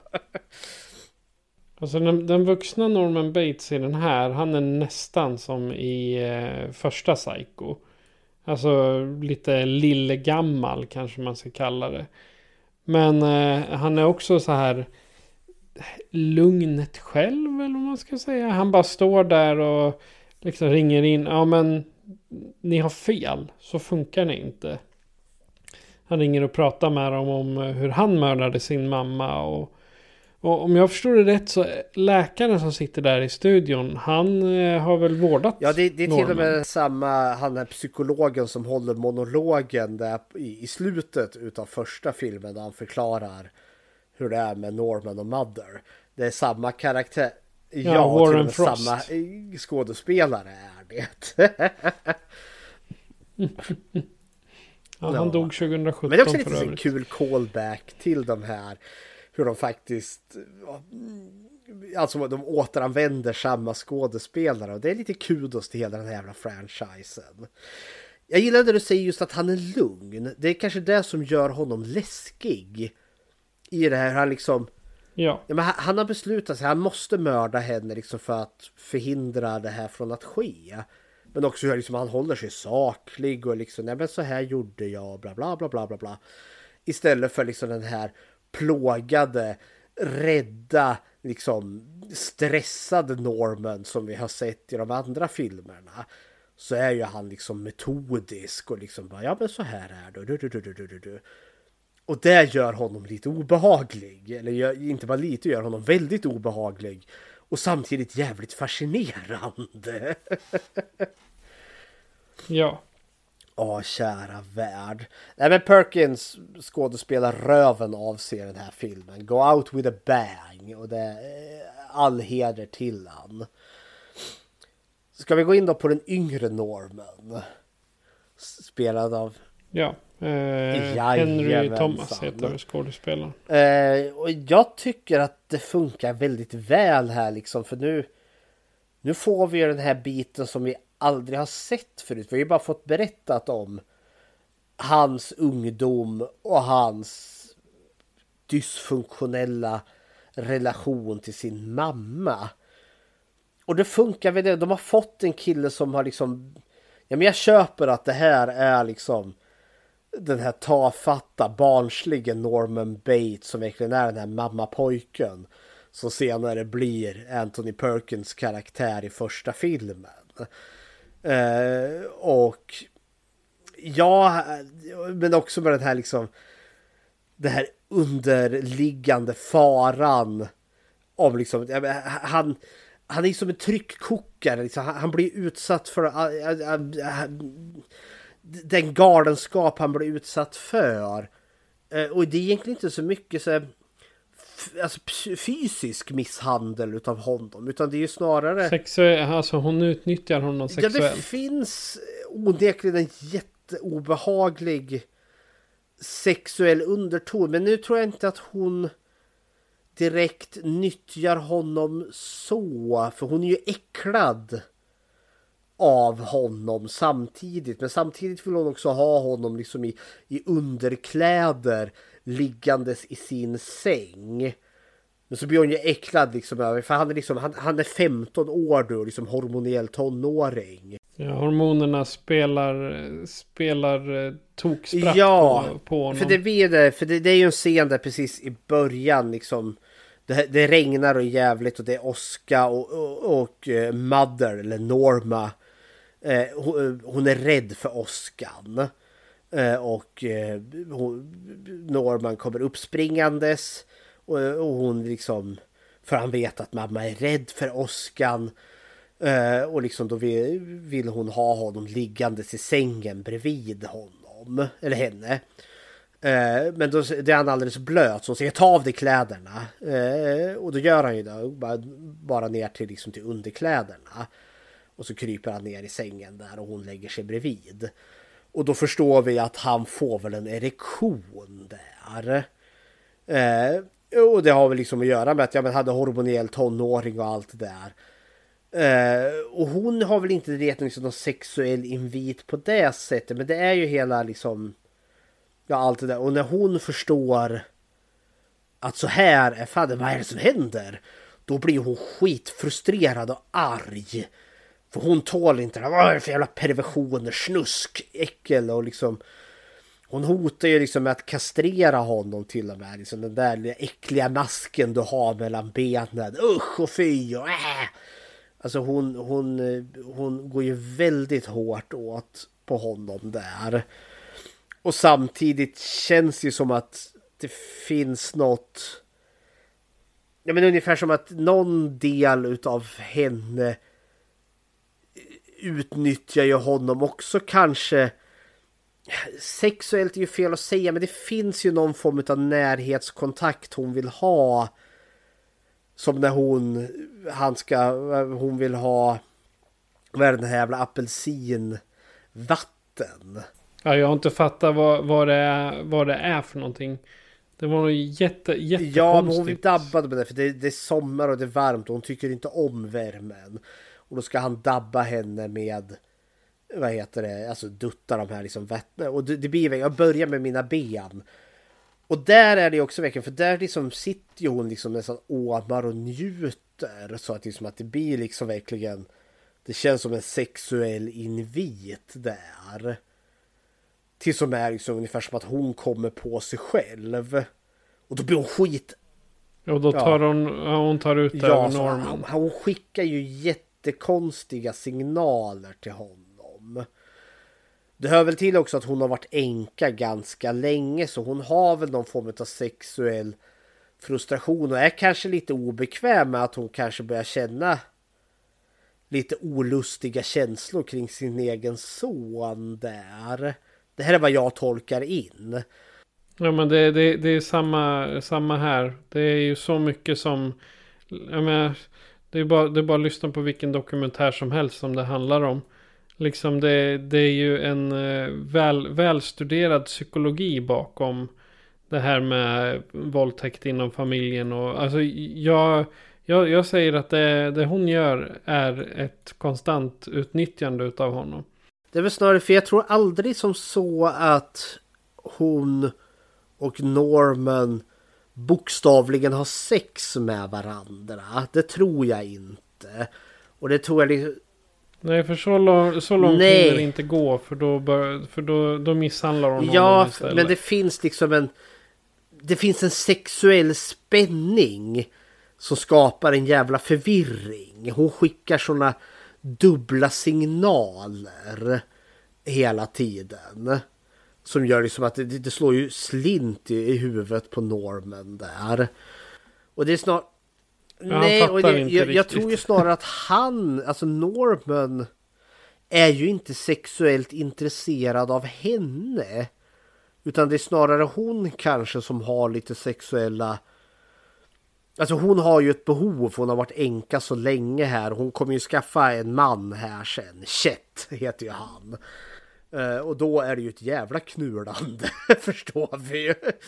Ja, det, det, är inte, det, det är inte ens en man. Det är, han, hon, han vänstrar med henne. Ja, han ska ju skilja sig från sin fru förstår vi ju. Ja, vilket eh, det brukar inte hända. Nej, så jag vet inte.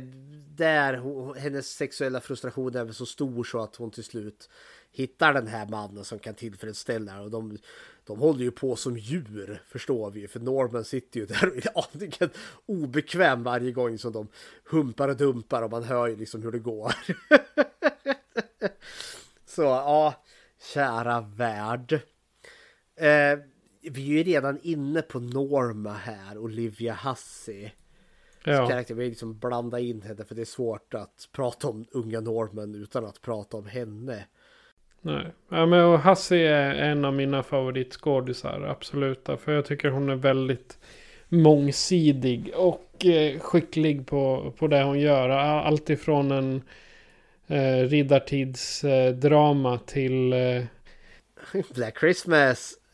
ja, exakt. Ja. It's him again, the Mona! Ja, och det är lite roligt liksom för att där... Här har vi liksom, vi går från en ytterlighet här från The Final Girl i Black Christmas som är en herrejösses briljant film. Gå och se den om ni inte har sett den. Men där hon liksom är offret, måltavla för Billy. Som är så jävla otäck i den filmen. Till att bli liksom en, hon är ju mer en skurkkaraktär. Så hon är ju jävligt vidrig i den här filmen. Liksom där hon liksom går och vara en ganska otäck karaktär. Hon är ju väldigt instabil. Hon är väldigt Och det är också Det det som säga. tjusningen med de här filmerna. För även nu säger jag att hon är liksom mer skurkkaraktären och jag gör lite inom situationstecken här. För de som är genomgående i hela den här franchisen är att de som är de onda karaktärerna i familjen Bates, alltså Norman Bates eller Mother där. De, de är inte där bara för att de är onda utav rent djävulskap utan för att det- är trasiga karaktärer. Det är psykiskt instabila personer. För det tycker jag de får ändå så till det ganska bra med att hon är ju inte alltid vidrig och hemsk. Vi har också stunder då hon är liksom en kärleksfull mamma. Eh, och liksom... Ja, men, och liksom fungerar som liksom hon ska. Men sen slår det här negativa över och skapar ju det här liksom helt orimliga förhållandet som blir det här sjuka, skeva, kvävande som liksom äter Norman levande. Till som är att ja, han tippar över kanten. Jag tror att Norm, Norma har säkert någon eh, psykisk eh, sjukdom. Som liksom har slagit över och blivit så pass grov att den går ut över hennes omgivning. Och sen använder hon Chet som lite av ja, ett missbruk eller en... Eh, vad heter det? Compila- nej, inte compilation. Vad fasen heter det?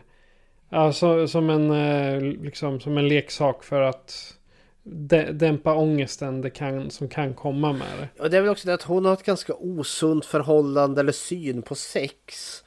Och det tänker jag, dels är ju det baserat på Ed Gein, alltså den verkliga mannen här.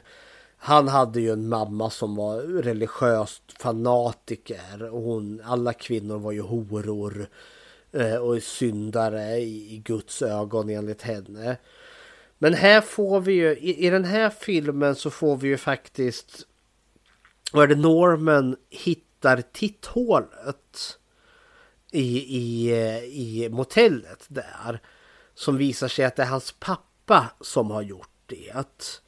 Så då tänker jag, ja, för han får vi egentligen aldrig lära känna. För han är död redan när den här filmen börjar. Men vi får reda på att det är hans pappa som har gjort det här titthålet. Och då tänker jag att han har ju säkert varit, han är ju den som har eh, styrt hotellet. Eller motellet. Men sen har han varit, han har säkert varit otrogen tänker jag. Han har sett och flåsat över andra kvinnor där och varit äcklig och pipat på dem. Och då har ju han liksom svikit Norma. Och då har hon blivit jättebränd. Och är arg och förtvivlad. Sen dör ju han ganska happy för han blir ihjälstungen utav ett svärm bin där. Sägs det. Ja, nej, men, ja, enligt Norman så är det ju så. Men det, och då, Ja, och han, fast det, jag tror att det var hon. Alltså, i, om, om man ska gå utanför filmen så tror jag att det var mamman som hade ihjäl honom. Det är väl inte en orimlig tanke det heller. Men jag tänker att hon, hon har mycket obearbetat eh, och tar ut det. Dels för att liksom hon vart bedragen, sen kanske hon har mördat sin make där. Hon tar ut sin ilska och frustration och sin sexuella ilska på Norman där liksom genom att all sex är dålig. Till som med att hon någonstans på vägen kommer över det. Hon får en längtan efter sex igen.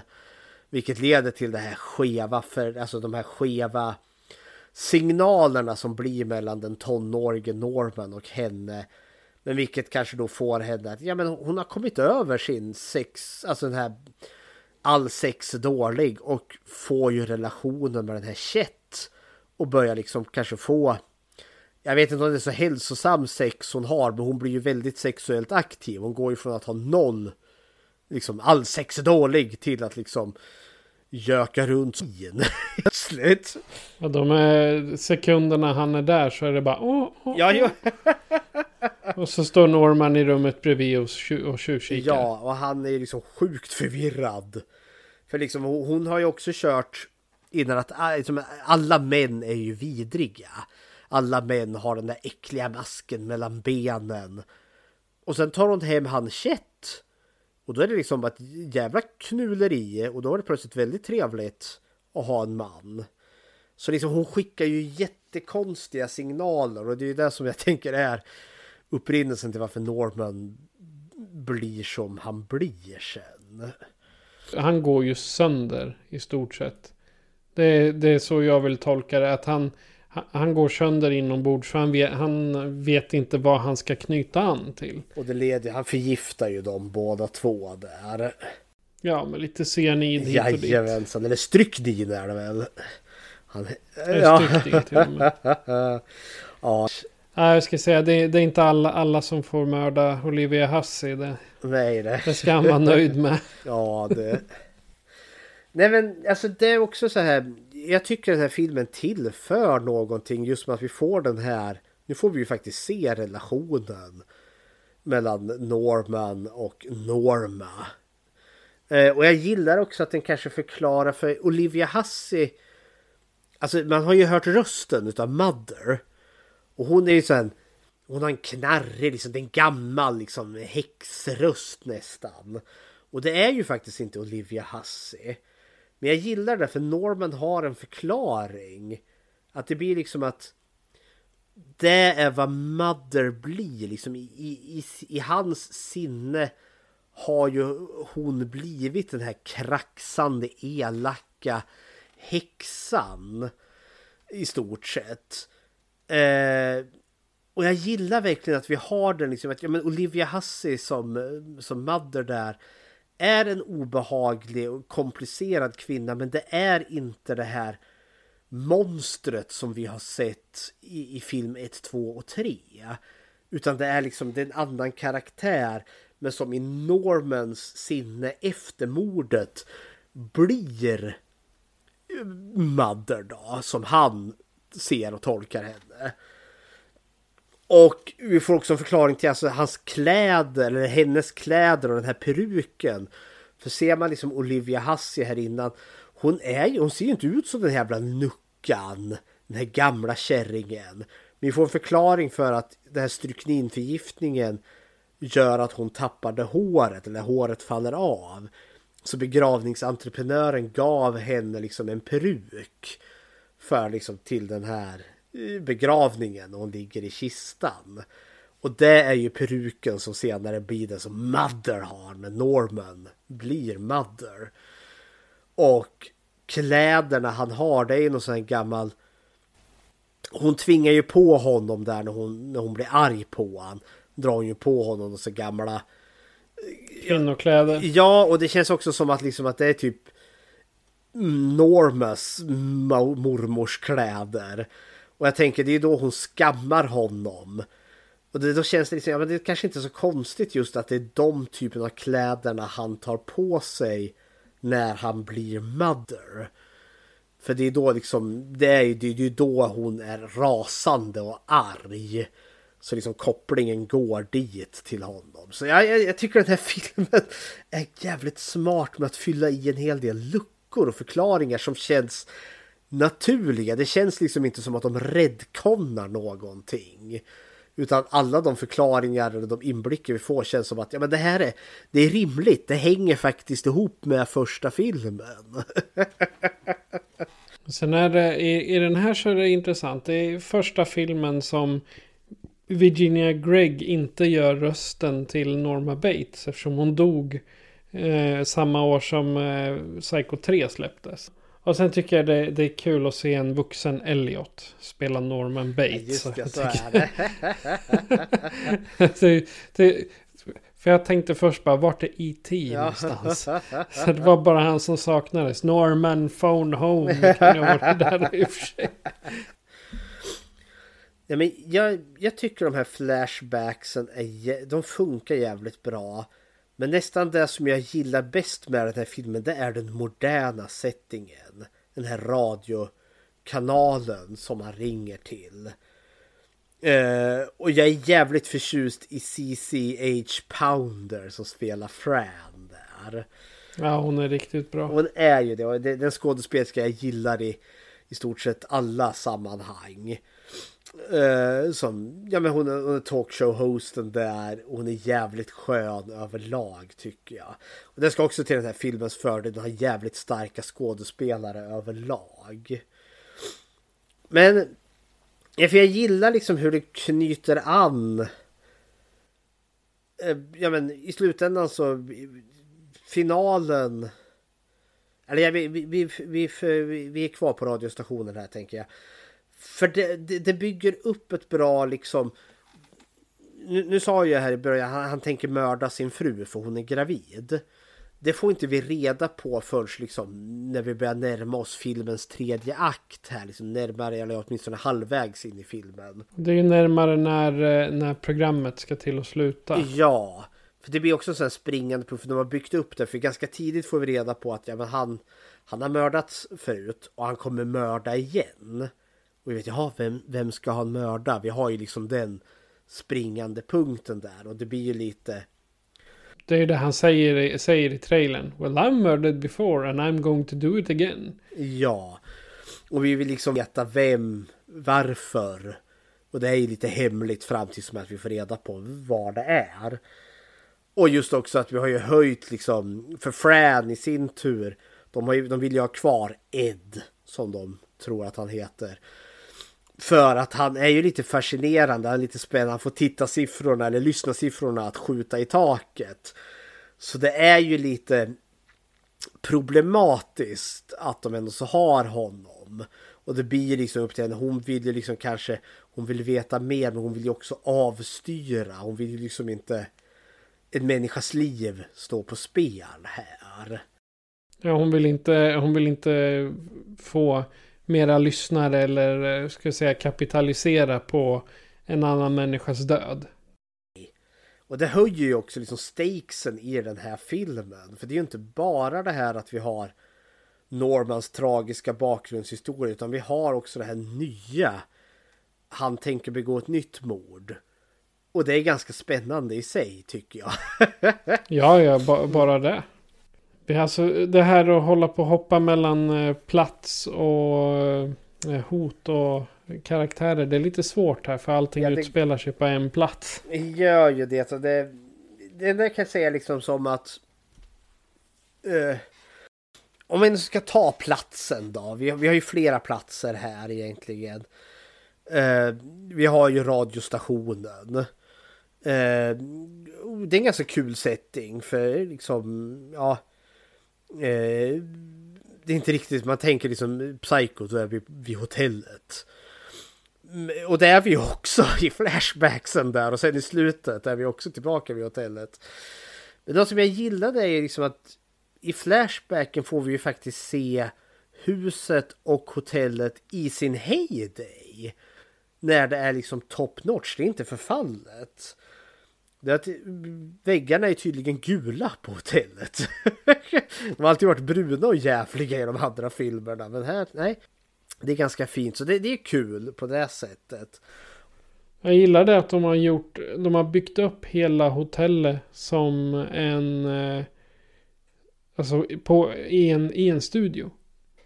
Själva, själva hotellet må, måste de ju ha filmat någon annanstans när man ser hela, hela byggnaden. Ja, men det är ju på Universal Backlot, alltså de har ju deras där de, vad kan man säga, deras studioplatser, de har ju enorma platser för att eh, bygga mm. upp städer och sånt. Och Bates, äh, Bateshuset stod ju där. Så de har ju byggt det var väl ett, eh, var, var inte det gamla, gamla arbetarbostäder? Ingen aning. Nej, det tror jag inte. Jag tror verkligen att huset är den, kuliss. Det har aldrig, det har aldrig varit ett riktigt hus utan det är liksom bara byggts för den, den här filmserien. Ja. Men det är lite kul, vi får ju se liksom när huset är nytt och fräscht. Och sen i filmens slut, då har ju huset aldrig varit så jävla förfallet. Så som det är då. Och i slutändan så är det ju till och med förstört för det kommer ju brinna ner i slutet. Ja, han tänder väl eld på det i slutet. Ja, det blir ju hans katarsis där när han liksom eh, äntligen gör sig av med allt vad Mother och allt vad det nu heter där liksom. Då bränner han ju huset. Och det är en ganska snygg liksom avslutning på det hela ändå. Han, han, han bränner huset och motellet som har ja, vilat så jävla tungt över honom i alla dessa år.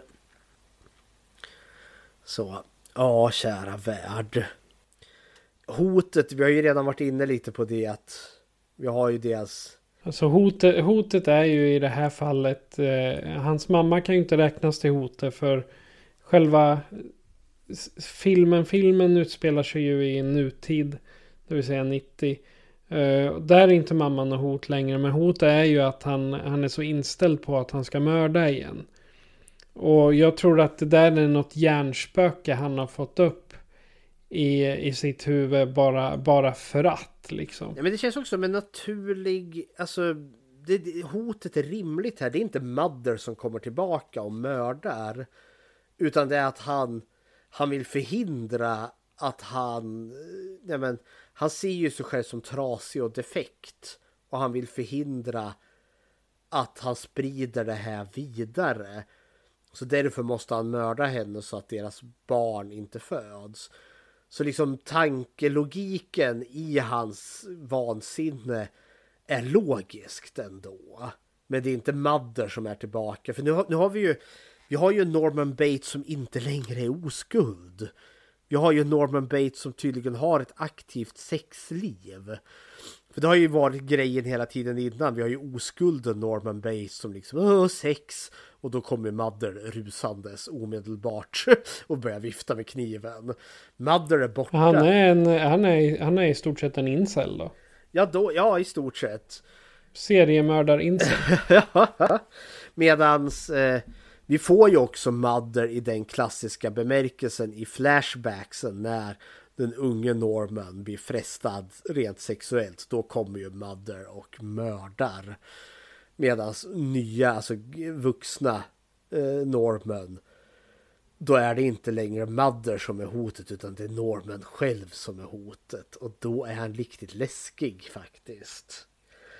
Ja, och jag, jag tror att han, eh, anledningen till att han, eh, att han inte mördar, det är helt enkelt för att hans eh, eh fru, flickvän, whatever hon är, att hon eh, liksom vänder Mothers röst mot honom. Alltså hon säger din mamma är inte här nu. Hon är inte här. Det är, det är si och det är så. Vakna nu Norman. Du älskar mig och jag älskar dig. Och ja, han behöver få höra allt sånt där av någon annan. Ja, och samtidigt, hon säger ju också något, ja men betyder inte jag något? Mina gener. Du är, eh, hon säger, han, han anser ju liksom att han är skadad. För han, han säger, han har, eh, I got my mother's seed in mig. Han har sin, han har, uh, uh, hans mors säd är i honom. Och hon var sjuk, därför är han sjuk. Så därför är hans säd, om han skulle föra den vidare, också sjuk. Men hon säger ju, men jag då? Räknas inte jag? Liksom, jag har inte, min, mina föräldrar har inte mördat någon, jag har inte gjort någonting. Så det måste ju betyda någonting. Och det är ju det som liksom får det att klicka i huvudet på Norman ändå. Och sen, ja, att överge den här vansinniga tanken han har att han måste mörda henne. Och, och, och det är ju fint. Samtidigt kan jag väl också känna lite så här att ja, det var bra att du inte varit mördad där, men kanske sök lite avstånd från den här människan, för han är lite instabil ändå. Men samtidigt så vi visar ju det här på att nu är Psycho-serien slut. Ja, och, det, och det, jag vill ge det här till, alltså för det här är ju, det här är ju sista med Perkins. Och jag skulle vilja hävda liksom, även om det finns fler filmer och det finns ju till och med en tv-serie med den här. Så vill jag ge den här för att när den här filmen är slut, alltså Anthony Perkins, Norman Bates är ju ändå så liksom ett, det är en skräckfilmsmonster. Alltså han, han är ju liksom tillsammans med, med skräckfilmsbovarna Jason, Leatherface och Pinhead och hela den här. Och det är som Mother där då. Han är ju ändå så den enda utav de här franchisebovarna som faktiskt får ett lyckligt slut. Alla andra, liksom Jason, Freddy Myers och allt liksom, de är ju så döda och besegrade i slutet. Norman Bates får faktiskt, och det, och det är ju faktiskt ganska fint ändå, han får chans på chans på chans Trots att han gör misstag på misstag på misstag och faller tillbaka i dåliga vanor. I slutändan, nej men som hans fru där, hon tror ändå så på honom. Hon vill ge honom chansen trots att han gör de här fruktansvärda snedstegen. Och i slutändan blir det faktiskt positivt. Ja, men, för att låta lite corny, ja, men kärleken vinner. Kärleken är starkare här faktiskt. Och Norman Bates är faktiskt värd. Han får känna kärlek, han får ha någon frid trots allt. Och det är jävligt fint.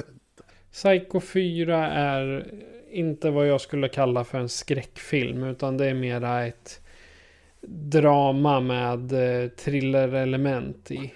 Sen är den ganska grafisk för de två, vi har ju två mord här ändå då Mother i flashbacksen där en som mördar. Och de är ganska groteska ändå. Inte Psycho 3 groteska, men det är ju ändå så liksom stab, stab, stab, stab och blodet pissar lite till höger och vänster. Så. Men jag, jag är nog lite med på ditt spår. Alltså det här är ju... Det är mer ett psykologiskt thrillerdrama med lite skräckeska drag till sig. Uh, har du gjort något Bechteltest på den här? Det har jag. Eh, och då har vi ju då återigen. Finns det en eller flera kvinnliga namngivna karaktärer? Och här har vi ju Mother. för första gången egentligen. Norma spelad av Olivia Hussey. Namngiven dessutom. Namngiven dessutom. Eh, och sen har vi Fran. Eh, eh, vad heter det? Mm, hon i radioprataren. Vi har hans fru Connie Bates. Eh, och vi har hans två mordoffer Holly och Gloria. Så fråga nummer ett klarar den. Fråga nummer två då. Möter de någonsin varandra? Eh, nej. Ingen av de här karaktärerna möter varandra, tyvärr. Eh, för, eh, för, Fran lämnar aldrig stationen. Eh, Norma är död sen. Och Holly är väl den enda som går in i rummet där Norma ligger död sen. Ja, alltså egentligen Norma och Holly möter varandra. Men jag räknar inte riktigt för det är ändå så liksom ett... Det, det är en docka utav det torkade liket utav Norma. Ja, de ska vara vid liv för att räknas som att de träffar varandra faktiskt. Jag tänker det. Så tyvärr, Psycho 4 The Beginning faller redan på fråga nummer två. Åh, vilket elände. Men då har vi också konstaterat att det inte är en skräckfilm. Nej. Musik här då. Eh, egentligen, ja vi, vi kan ju spela lite kort. Eh, jag skickar lite klipp här till dig då, så take it away Patrik.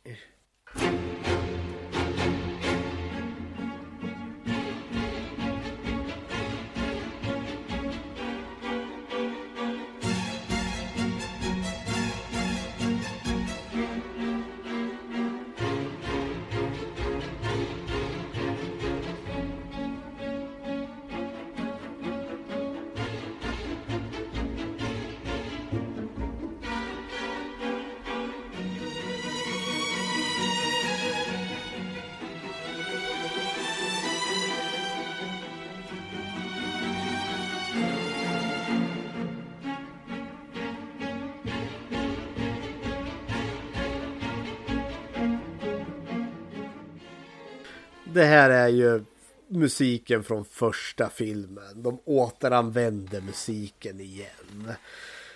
Eh, som när vi var inne på, alltså film nummer två skapar sin egen musik, film nummer tre skapar sin egen musik. Men film nummer fyra gör inte det.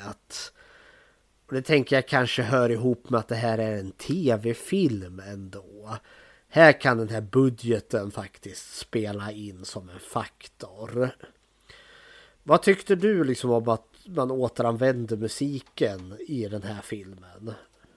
Ja, jag, jag, tycker det är bra faktiskt. Det blir lite som en eh, reminder för vad eh, Psycho är. Och hur liksom originalfilmen som kom 30 år tidigare. Hur den liksom hur den betedde sig. För dels har du ju en väldigt, väldigt ung Anthony Perkins då i eh, som, eh, som spelar Norman redan då. Och han ser ju... Ja, inte, han ser inte jättegammal ut men han ser äldre ut i de här. Så att använda psykomusiken igen tycker jag är ett bra sätt att liksom återta att ja, men nu, är det, nu är det Norman Bates historia igen. Ja men i, i och med att det också är sista filmen i den här kvatrologin får man ju kalla det. Så blir det en ganska snygg inramning ändå. Så nej men det funkar ändå. ja. ja, kära värld. Har du några sluttankar om eh, Psycho 4 The Beginning? Ja, jag har både det och sen tänker jag köra hela den här franchisen. Med den kaviaten att vi inte är riktigt klar med franchisen. Men jag tänker köra med Anthony Perkins. Psycho 4 tycker jag är en oförskämt bra film för att liksom vara den fjärde filmen i en franchise. Och dessutom vara en tv-film med lite låg budget. Och det blir också en cool callback eftersom att första filmen eh, Hitchcock där 1960 var ju faktiskt filmad med ett tv-filmscrew Det var ju inte ett filmcrew så det, det blir en sån märklig snygg inramning. Men jag tycker liksom det, fyran är genuint intressant. Den tar berättelsen till en ny nivå. Återigen utveckling utav Norman Bates som karaktär. Och samtidigt får jag en återblick i, i hans barndom, hans förflutna som flyter in jävligt väl liksom i berättelsen. Det känns inte som att de redconnar något eller liksom skjuter franchisen helt åt helvete så att det blir ologiskt. Det enda som är det här som jag måste liksom suspense of disbelief är att han är gift. Att han är ute ur anstalten. Det, ja, det, det, det funkar inte. Men det, jag kan jävligt snabbt liksom släppa det ändå. och Se över den liksom logiska fnurran. Eh, nej, det här är, jag tycker det här är genuint bra. Eh, så det här är en fyra av fem av mig. En jävligt stark film. Och sen då franchisen överlag här tänker jag nog säga är liksom den starkaste skräckfilmsfranchise vi har sett än så länge. Rent tekniskt, eh, eller kanske rent storymässigt sammanhängande. Varje film är unik. Eh, alla liksom har något att tillföra. Trean som kanske är den sämsta ändå är fortfarande inte dålig enligt mitt tycke utan har väldigt mycket att ge på sitt egna lilla speciella sätt. Men annars franchisemässigt, eh, Eh, Psycho är en jävligt stark franchise av dem med Anthony Perkins då som sammanhängande fyra filmer. Så det är mitt slutord till Psycho 4 och eh, Anthony Perkins Psycho-franchisen. Patrik? Ja, Psycho 4 är... Eh, jag, jag ska nog faktiskt ranka filmerna i serien överhuvudtaget. För dels, vi börjar med, med, med Psycho 4 om vad jag tycker om den filmen. Och där eh, Psycho 4 knyter ihop säcken på liksom eh, hela Normans eh, liv. Det, man, man får veta vad som gjorde honom till den han är i första filmen. Ja, första, andra och tredje filmen egentligen. Och han är, eh, det märks att eh, American Psycho, att det finns en hel del influenser där med samma, samma, samma tankar. Bara att i American Psycho så är han verkligen psycho. Och den filmen lär vi ju komma till någon gång i framtiden också. Men eh, oavsett vilket, eh, Psycho 4 knyter verkligen ihop säcken genom att eh, även om det kanske är lite, eh, har han verkligen gift sig? Eh, eller ja, den, den delen som man egentligen måste släppa. Eh, som du sa. Det, trots den delen så tycker jag Psycho 4 är den är alltså nummer två utav filmerna. Så att ska man vara riktigt eh, som jag var då, jag har en tendens till att se andra filmen i serier först. Eller remaken. Så om man verkligen vill se backstoryn. Eh, så kan man ju se eh, fyran först. Men eh, då, då missar man ju alla de här alla, alla andra filmer som leder upp till att bli fyran. Så att, och serien rakt igenom, den här är nog, den står över slasherfilmerna. För det här är en, en, en serie med stil. Det är ju inte samma sak som att Jason springer runt med sin machete och hugger eh, tonåringar i eh, ansiktet. Utan det här är säga, nå någonting som är inne i de finare rummen utav skräckfilmen. Plus att det, det är ju Hitchcock så vadå? Eh, det är väl inte så förvånande men ändå. Så att ja, själva serien i sig 5 av 5. Men eh, eh, Psycho 4 4,5 av 5. Det är mina slutgiltiga ord. Men om du som lyssnare då har ett Psycho eller vill tipsa om någon annan psykofilm så kan ni göra så här för att kontakta oss.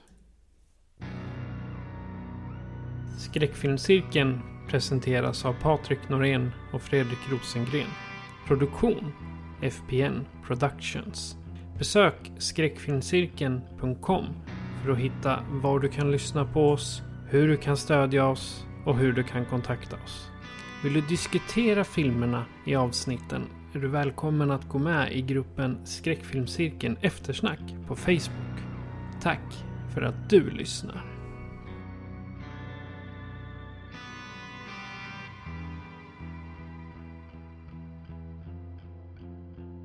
Jag ska också nämna att vi eh, nu i eh, eftersnack har en riktigt fläskig eh, gruppchatt som man kan gå med i.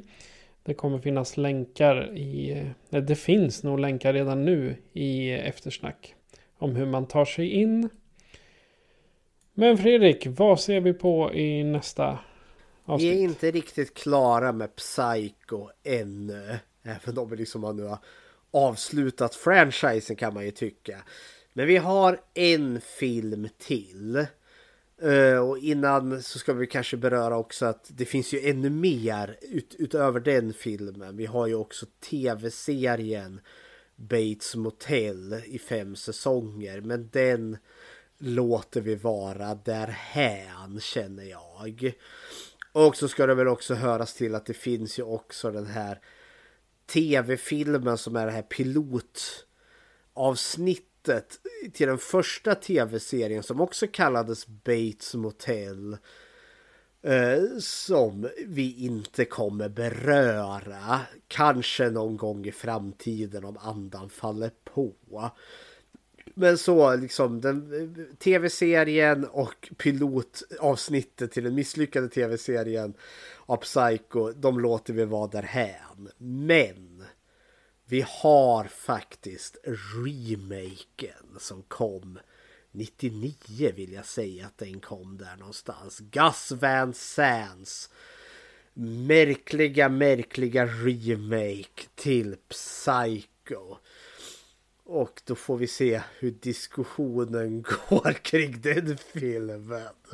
Så det, men det är vad vi har framför oss. 98, 98. kom den. Ja, och det är Vince Vaughn som spelar Norman Bates då. Men då tar vi och psykar oss ut. Du ska få psyka dig ut till sjuksängen och jag, jag ska psyka mig ut till nästa till nästa avsnitt helt enkelt. Så vi har väl inte mycket kvar att säga än att jag heter Patrik. Och jag heter Fredrik. Du har lyssnat på Skräckfilmscirkeln.